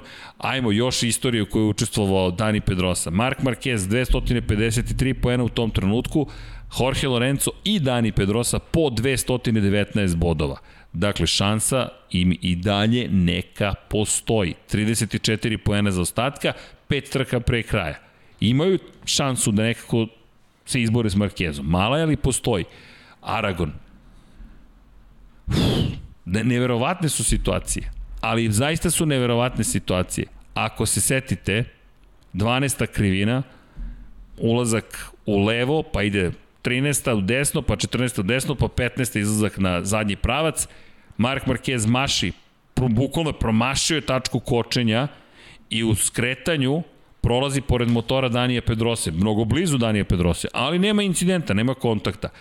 Dani dodaje gas i odjednom je lansiran u vazduh i... Svi mislimo greška. Greška i svi kažemo, evo, Dani je popustio. Ne, Alberto Puđ, današnji menadžer ekipe Honda, dovlači ekipe medijske da snime zapravo šta je uradio Mark, šta je uradio Mark Marquez i pokazuje im odsečenu, to je pokidanu žicu, to je kabel senzora kontrole proklizavanja. Mark Marquez je u momentu kada je prošao pored zadnjeg točka Danije Pedrose, zakačio upravljačem kabel, bukvalno kabel je zakačio kojim se prenose informacije sa senzora koji se nalazi na zadnjem točku u centralnu kontrolnu jedinicu i Dani kad je otvorio gas nije imao kontrolu proklizavanja, on je lansiran uz optužbe da je Mark to namjerno radio. Ljudi, Mark Marquez, ako je to namjerno radio, dajte mu sve titule svih vremena za uvek.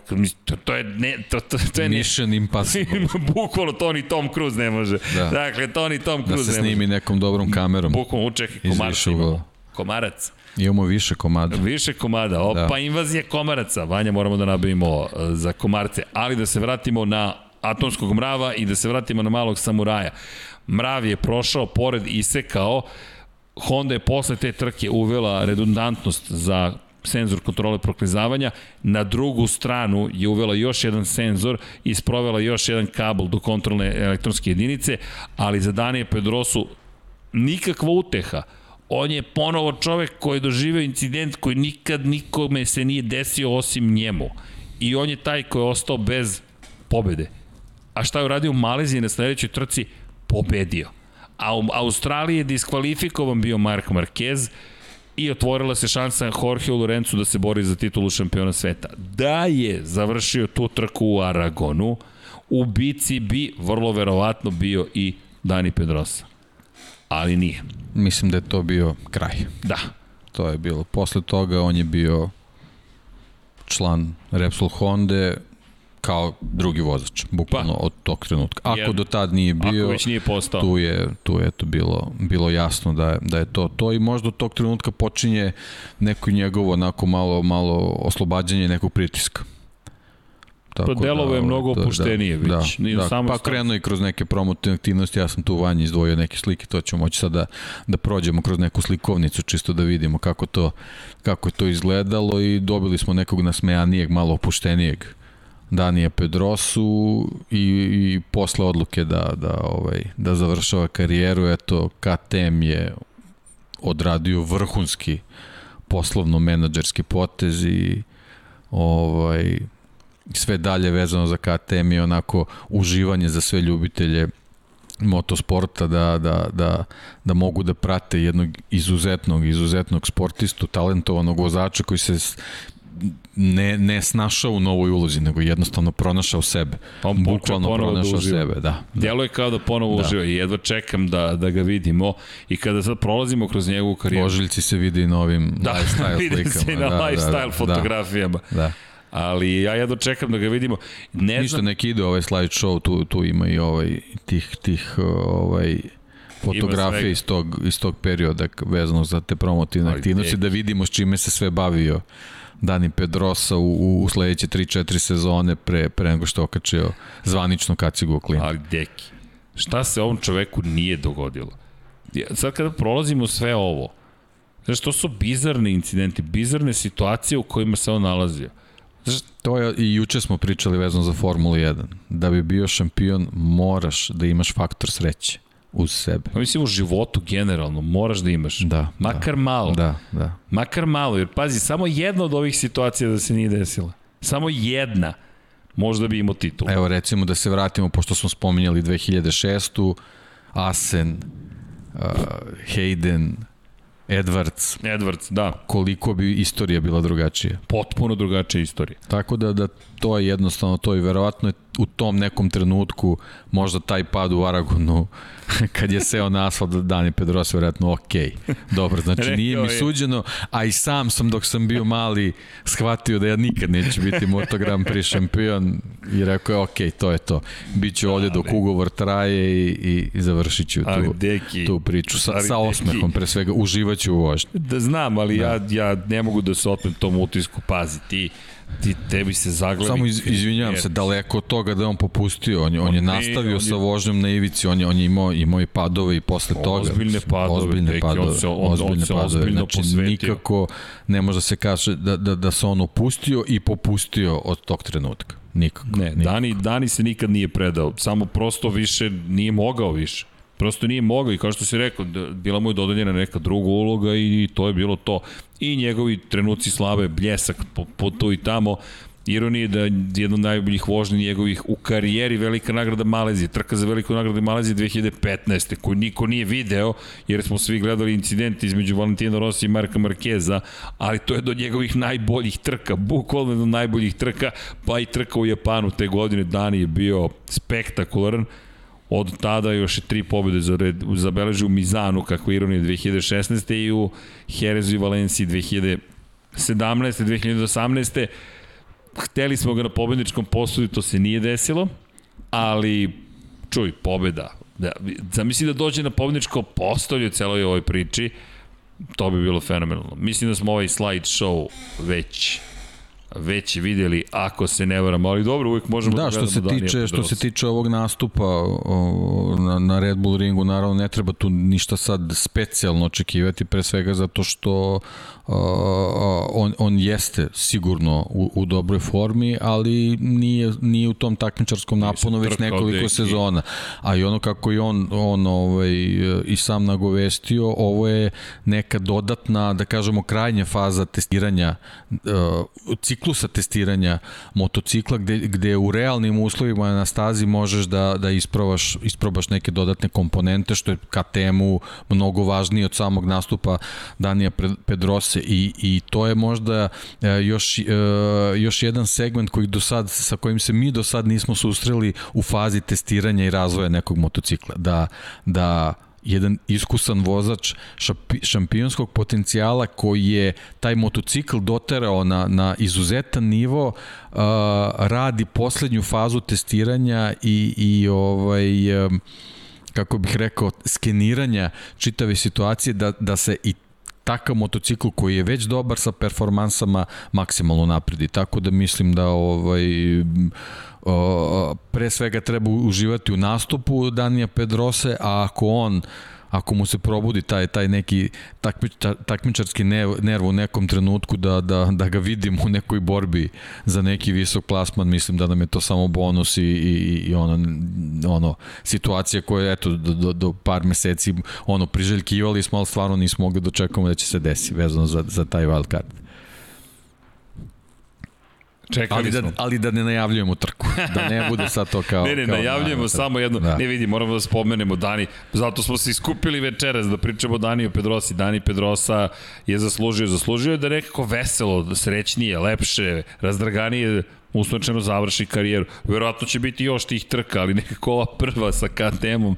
Pazi, nikada, nikada nije vozio ni jedan drugi motocikl u trci svetskog prvenstva. Meni je fenomenalno da, da, taj, da. taj koncept. Ti, ti gledaš čoveka koji od 2001 do 2018. do punoletstvo celo proveo na, na Hondama, različitim Hondama, ali na Hondama i sad će na KTM-u možda da ima neki od najvedrijih momenta i najzabavnijih trenutaka. Pa ko, kome se to ne bi svi, svidelo? I to pred punim tribinama pred punim tribinama, mi ćemo najzad imati publiku na stazi, pa to je fenomenalno. I sa nekom novom generacijom vozača. Jeste. Da vidimo, jeste. da vidimo kako taj neki stari stil Koliko ga je ovaj, hvalio da, Miguel Olivira, da, koliko da. ga je hvalio Olivira i govorio on je podesio motocikl, on je podesio Dani koji kaže ne, ne, on ga je vozio. Sad ćemo da imamo da li je podesio prema Oliviri ili prema sebi.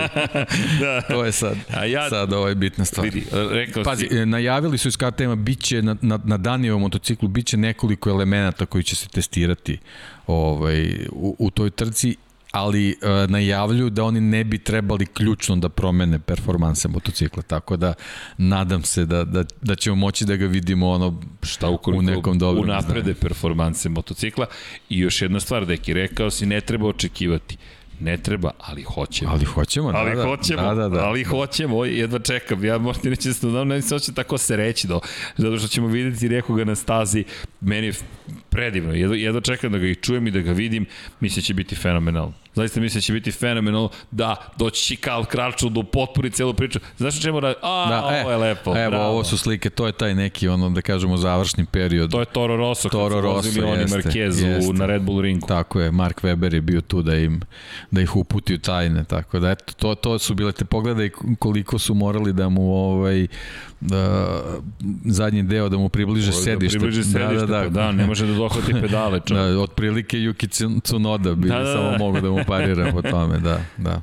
Ali lepi kadrovi. Lepi kadrovi, eto, to je, to je bio taj, to su bili ti neki trenuci gde i on malo uživao, eto, da.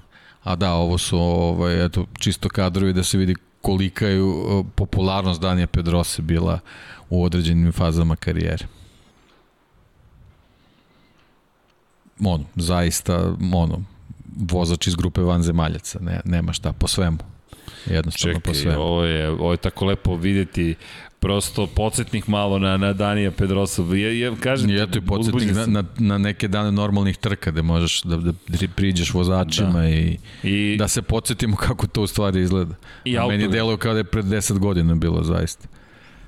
Stvarno, ovaj, stvarno smo suželeli. Moram ti preći da sam pomislio da li je ovo iz, iz 2007. Tamo Michelin stoji ili je ipak nova era Michelina. A, ne, ovo je Ovo je čini mi se 2018. A da, trebalo bi da, da bude. Mislim da je tako nešto. I po bradi, i po da. imidžu, pa i po nekim drugim, da. ajde, odevnim elementima na odevnim predmetima.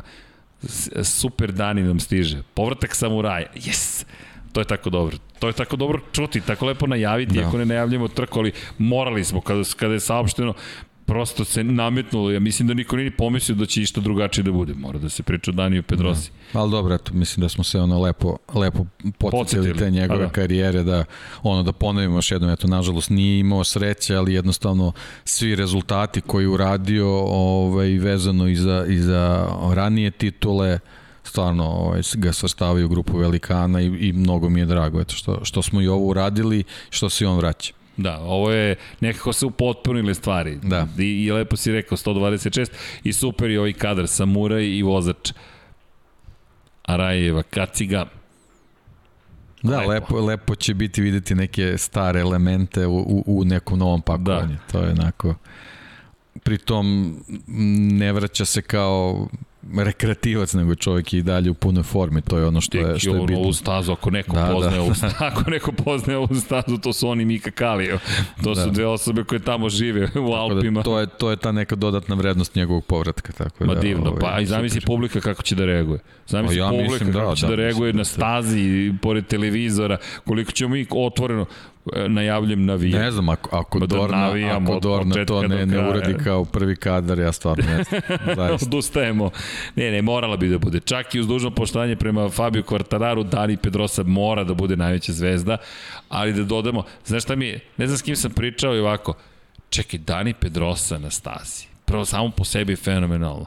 Da, Goran i kaže, e, ali meni je još loš luđe, stići Kal Kračl dolazi nazad na stazu. I ovako razmišljam, čekaj, garaža je Kračlov Rossi.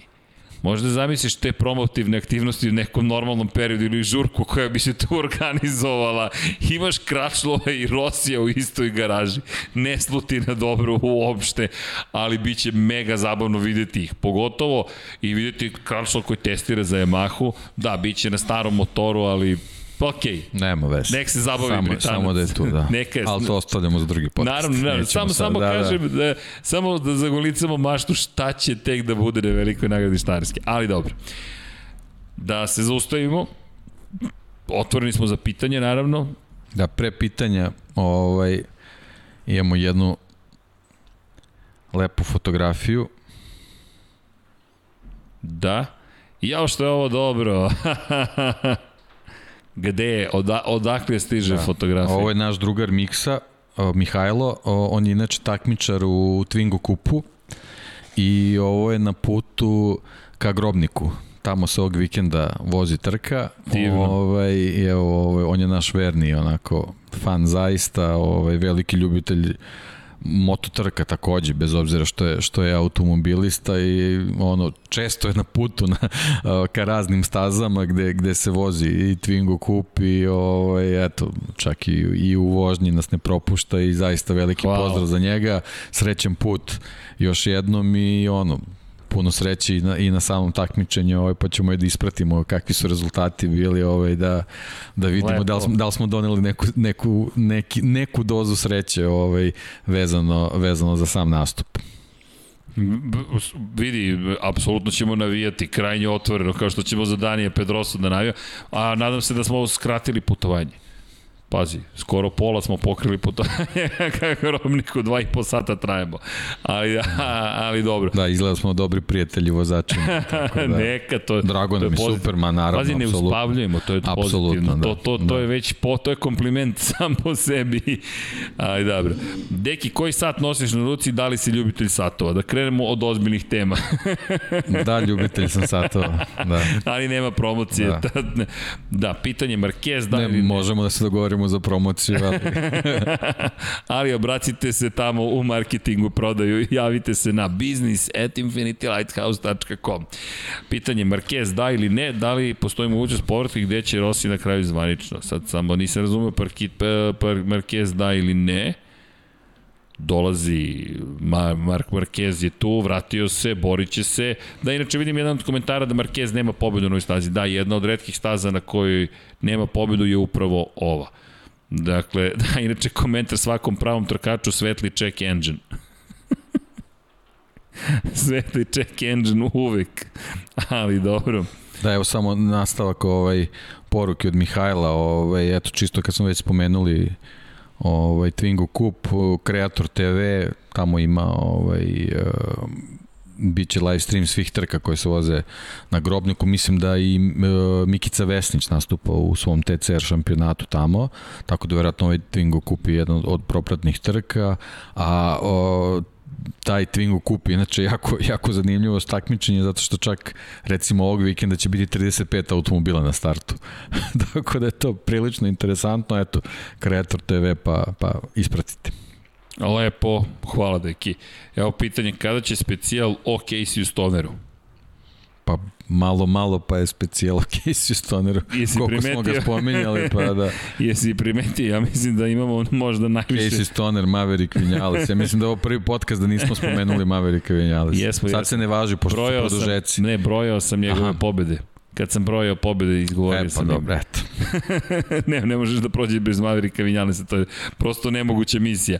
Da, ali da se vratimo mi pitanjima. Dakle, odgovorili smo, nadam se, na pitanje. E, na kojoj poziciji na te trci će Dani da završi Boško? Uh, teško pitanje. Ja kažem pobeda. Pobeda. Vero, ali nadam se da će, ako pričamo racionalno, da će, da će uspeti do trećeg nekako, da dostigne, to je nemoguća misija, ali zašto da ne? Da, da li postoji mogućnost Damjan Pitak 3K tema na podijumu?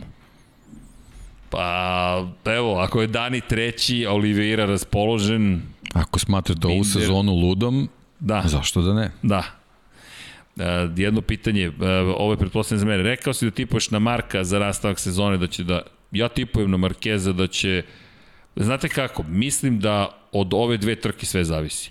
Ako Marquez sada uspe, od, i to ne samo od njega, već od njegovih rivala. Ako Marquez sada uspe, pazite, ovo će možda biti najveći izazov za Fabio Quartarara, s obzirom na činjenicu da Red Bull Ring baš za Yamahu nije Ne baš, nego nije. To su, tako je. A Ducatijevci će ovde da jure pobedu. Pri čemu Suzuki da je unapređen motocikl imao bi šansu, sada mislim da toga neće biti, da neće biti konkurentan.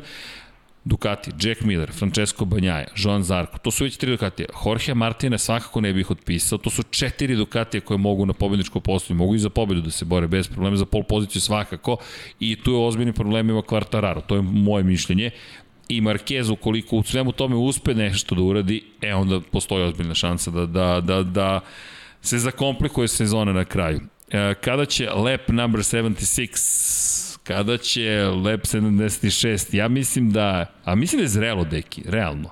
Čak sam i bio i na odmoru. Ok, deki se smeška tako da pratite kanal. Od, od nisam se lepo izrazio koje su bile timski kolega Markezu Pedrosa je bio najbolji Da, pa možda i jeste bio najbolji, s obzirom na činjenicu da je Dani nekako bio povučen, sam po sebi je povučen, ne odloči previše pažnja, donosio je poene vredne za, za, za celu ekipu. Jer ako pogledamo, Jorge Lorenzo se nije proslavio, nije se proslavio, Alex Marquez se nije proslavio, Pa dobro, svi su realno kratko bili tu, tako da Pedrosa ipak proveo sezone. Da, da vidimo. Tako da, Bakadu, pratite, mislim da je vreme za Lab 76, broj Lab 76. E, Može li Mark Marquez do stotog podijuma u Moto Grand Prix-u? Da li može? Može, pa što ne, što ne bi mogao. Mark Marquez, ček, čekajte da vidim samo gde je trenutno. Trenutno Mark Marquez, da vidimo, ukupno 44, 52, aha, podijuma 77 ima. Pa može, do, do, zašto da ne, pa potreće, ali može, verujem da može. I to je sad, ali mi dosta smo daleko od toga, ali, ali nije nemoguće naprotiv. Da li je to neko bio kod frizera? Da, morao sam najzad, više slušalice nisam mogao da stavim, tako da, da je moralo da se, moralo da se malo poradi. Krenuli dredovi. Evo, momci dali pit, pijemo vodu, Milutine, bukvalno je hidratacija vodom, evo, možemo i da prikažemo, o, a, ne znam koje, evo, voda. A, Vanja, prosuću na računar kako krenulo, ali voda, ne vidi se u ovom, u, u, u, u ovom crnom. Vreme je da vidimo taj čuveni backflip Dijana Dobričić. Da, Joan Zarko bi mogao da u celoj toj priči i dođe do prve pobede. KTM pobeđuje, kaže Dijan Andrić na obe trke, će da predvodi podmladak KTM-a. pa, da, kaže Deki isto, ovaj, ako Dani ostvari dobar rezultat, i možda shvati da, shvati da nije loš i da nije još za starog gođa, kolike su šanse da ga KTM možda ubedi da vozi sledeću sezonu i sa KTM-om uzme titul? Uf, teško. To je vrlo baš teško. Teško, teško, teško i osvojiti titul, to je potpuno druga posvećenost odnosno na jednu trku, a i drugo, ima jedan momak, zove se Raul Fernandez, za komplikovao je život svim menadžerima i svim ekipama od svugde, s obzirom na činjenicu da nije trebalo luditi toliko brz, a toliko je brz da između Raula Fernandez i Danija Pedrosa birate Raula Fernandeza, prosto tako je. Mika Nenezić, da li može do 200. podijuma Rossi? Može. Može. Još jedno pitanje, Lorenzo, da li postoji mogućnost povratka? Mislim da ističe vreme za povratak. Jorge Lorenzo je rekao da je želeo da, da bi se vratio u Apriliju, to je da bi vozio za Apriliju, ali da Aprilija nije bila spremna da investira u šampiona njegovog kova. Tako da, uvijek skromni Jorge Lorenzo vrlo, vrlo direktno je sve to objasnio, ali bojim se da polako, polako da nestaje zapravo, da protiču godine. Drugo, Jorge Lorenzo se toliko zabavlja, on sad promoviše električne motocikle, vozi svog Lamborghini. Da, prećemo ga vidimo u Moto E. Nego, Moto E, kako je krenulo. Da, da, Ali nisam bukvalno. siguran da i oni imaju budžete. da, inače, kako bi zahtevao Jorge Lorenzo. E, da, da, kada će majice Special Edition? Nusmire stižu, stižu, stižu dizajnerski, tamo triumvirat polako priprema te stvari.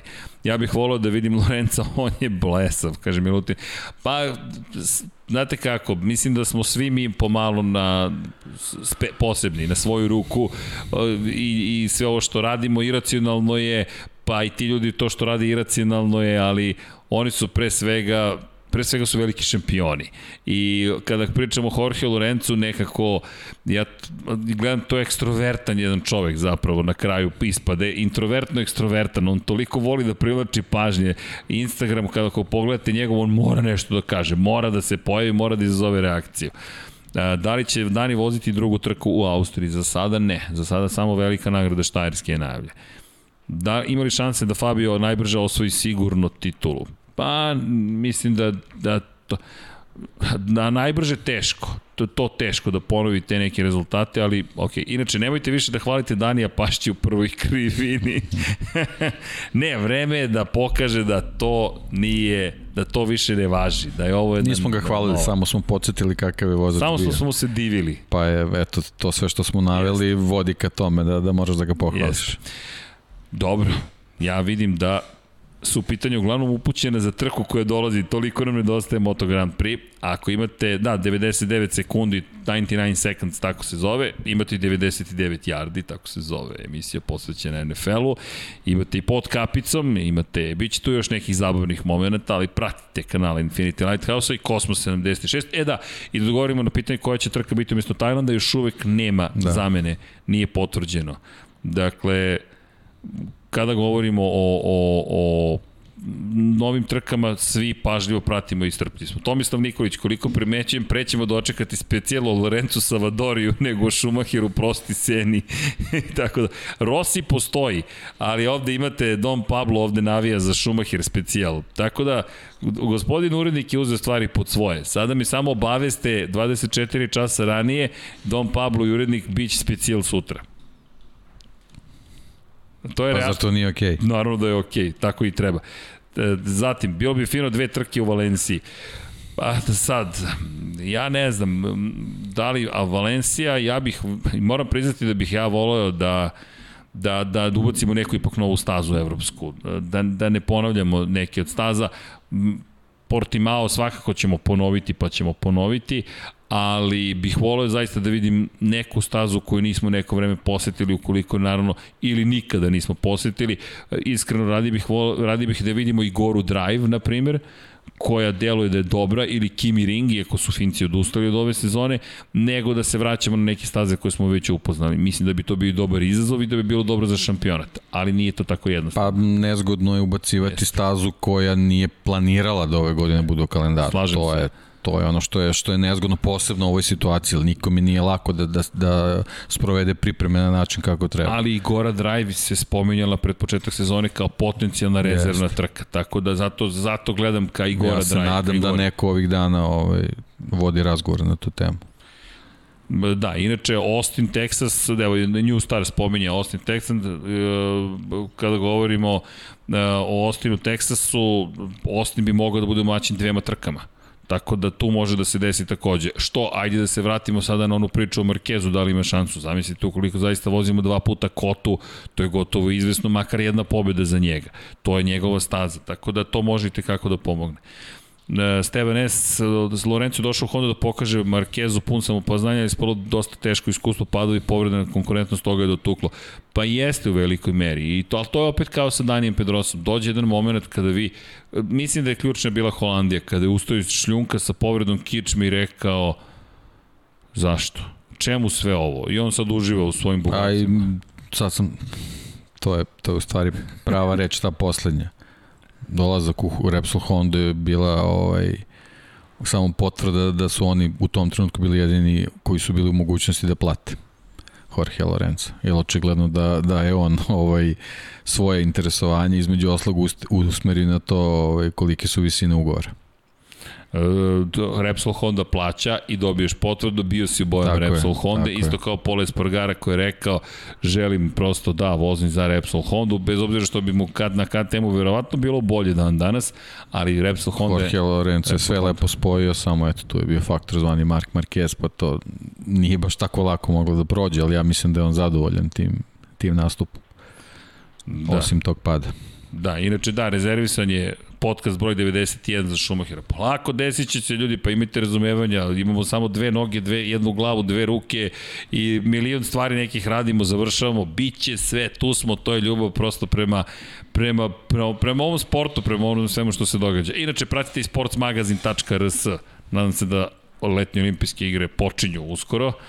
Vidim da je drama na sve strane, ali to mi opet i tu... Počele su danas praktično ovaj, ženski turnir futbalski krenu, tradicionalno futbalski turniri počinju pre zvaničnog otvaranja, danas su ovaj, krenuli mečevi, bilo je nekih iznenađenja, baš smo Vanja ja komentarisali, bilo je nekih onih suludih rezultata koji se na olimpijskim igrama i očekuju, jel za Boga važno je učestvovati, tako da već je to krenulo ko, ovaj, ko želi da prati može, ovaj, a mi ćemo onako kao, kao što je u najavama bilo, nećemo baš pratiti sad ono, sve rezultate do detalja, ali generalno sva, sva velika dostignuća biće isprećena. Inače, e, pitanje dva puta već se postavlja za Rosija, još nema vesti. Još nema vesti spekulacije, pauza još nije istekla, on je rekao tokom pauze. Tokom pauze, da, da, traje pauza. Spekulacije za sada imamo samo, ali negde se više se priča o ostanku i o tome da će voziti Ducati u 2022.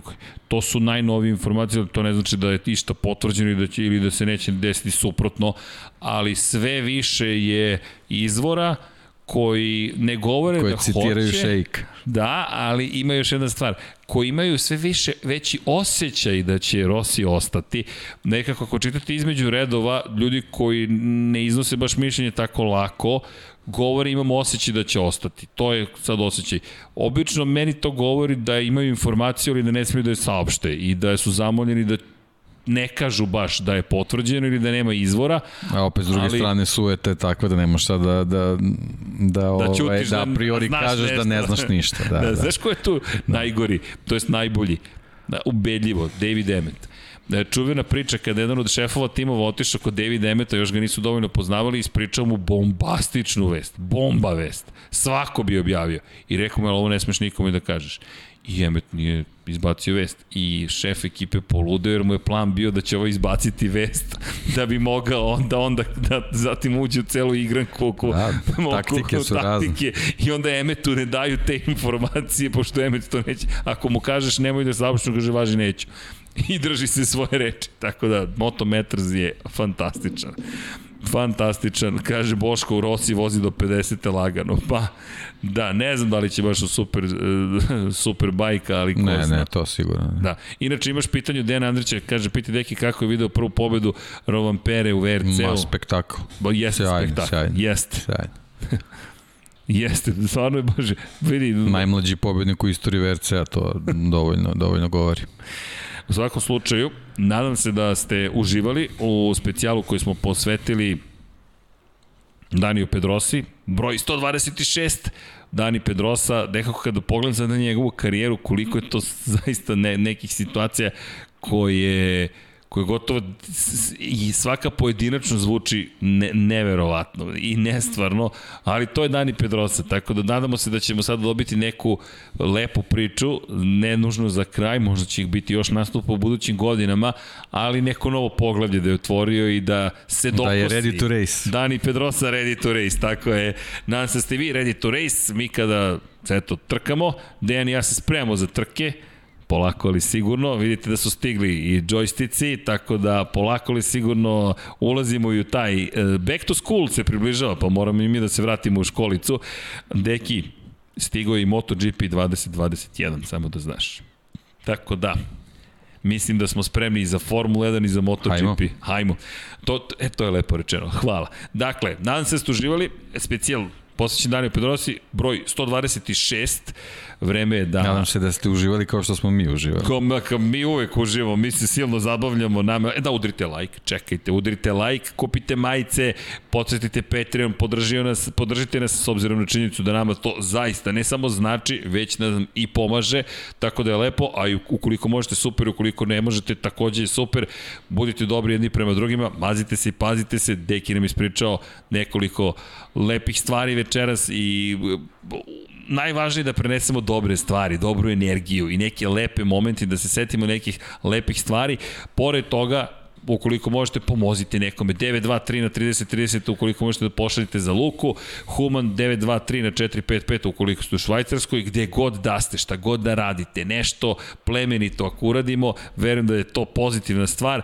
Kada govorimo o specijalima, e, da, bio je posvećen Daniju Pedrosi, ali eto, mogli ste da čujete i Koliko je Nenad Stekić imao preskoka preko 144. 8 metara? 144 puta je čovjek preskočio i eto, moment da, da zapamtimo takođe jednu legendu činjenica atletike, ali čujte, nevažno je čime se ti ljudi bave, te dame, ti muškarci, poenta jeste da inspirišu i da ćemo se mi uvek radovati tim nekim neverovatnim stvarima i gledati da ispričamo lepe priče. To je ono što smo sebi zapisali kao zašto ovo radimo, hoćemo da pričamo najlepše priče, a ukoliko su teške priče, da te priče nekako imaju neku svetlost na kraju tunela, da je bolji dan sutra, da optimizam svakako tu i kao i za druge ljude koje smo izgubili tokom ovih, pa sad već godina koliko radimo, ne, prosto, pa evo, gitara još uvek tu, Van Halenizovana je, ne, pamtimo ovoga puta i Nenada Stekića, nadamo se da ćemo za par nedelja pričati o nekom spektaklu Danija Pedrose takođe, vidjet ćemo kad se ponovo družimo za MotoGP, možda i dalje budemo na mali pauzi dok ne dođe se nastavak sezone, ko to zna, u ovom delu univerzuma se komešaju razne sile, pa ćemo da vidimo koja će se sklopiti, ali svakako se nadam da ste uživali i kao i uvek mazite se naravno i pazite se. Hvala Vanji, hvala Dom Pablu, Deki, hvala kao hvala i uvek. Tebi. O, da, nema na čemu. U svakom slučaju, zadovoljstvo je uvek kada je cela ekipa tu nekako na okupu. Idemo dalje, vreme malo i da se odspava, a onda ovog vikenda nema trkanja. Ovog vikenda ne trkanja, a onda šta ćemo? A znam šta ćemo, ima trkanja ovoga vikenda. Ljudi, želimo vam laku noć i naravno, čao svima! Ćao!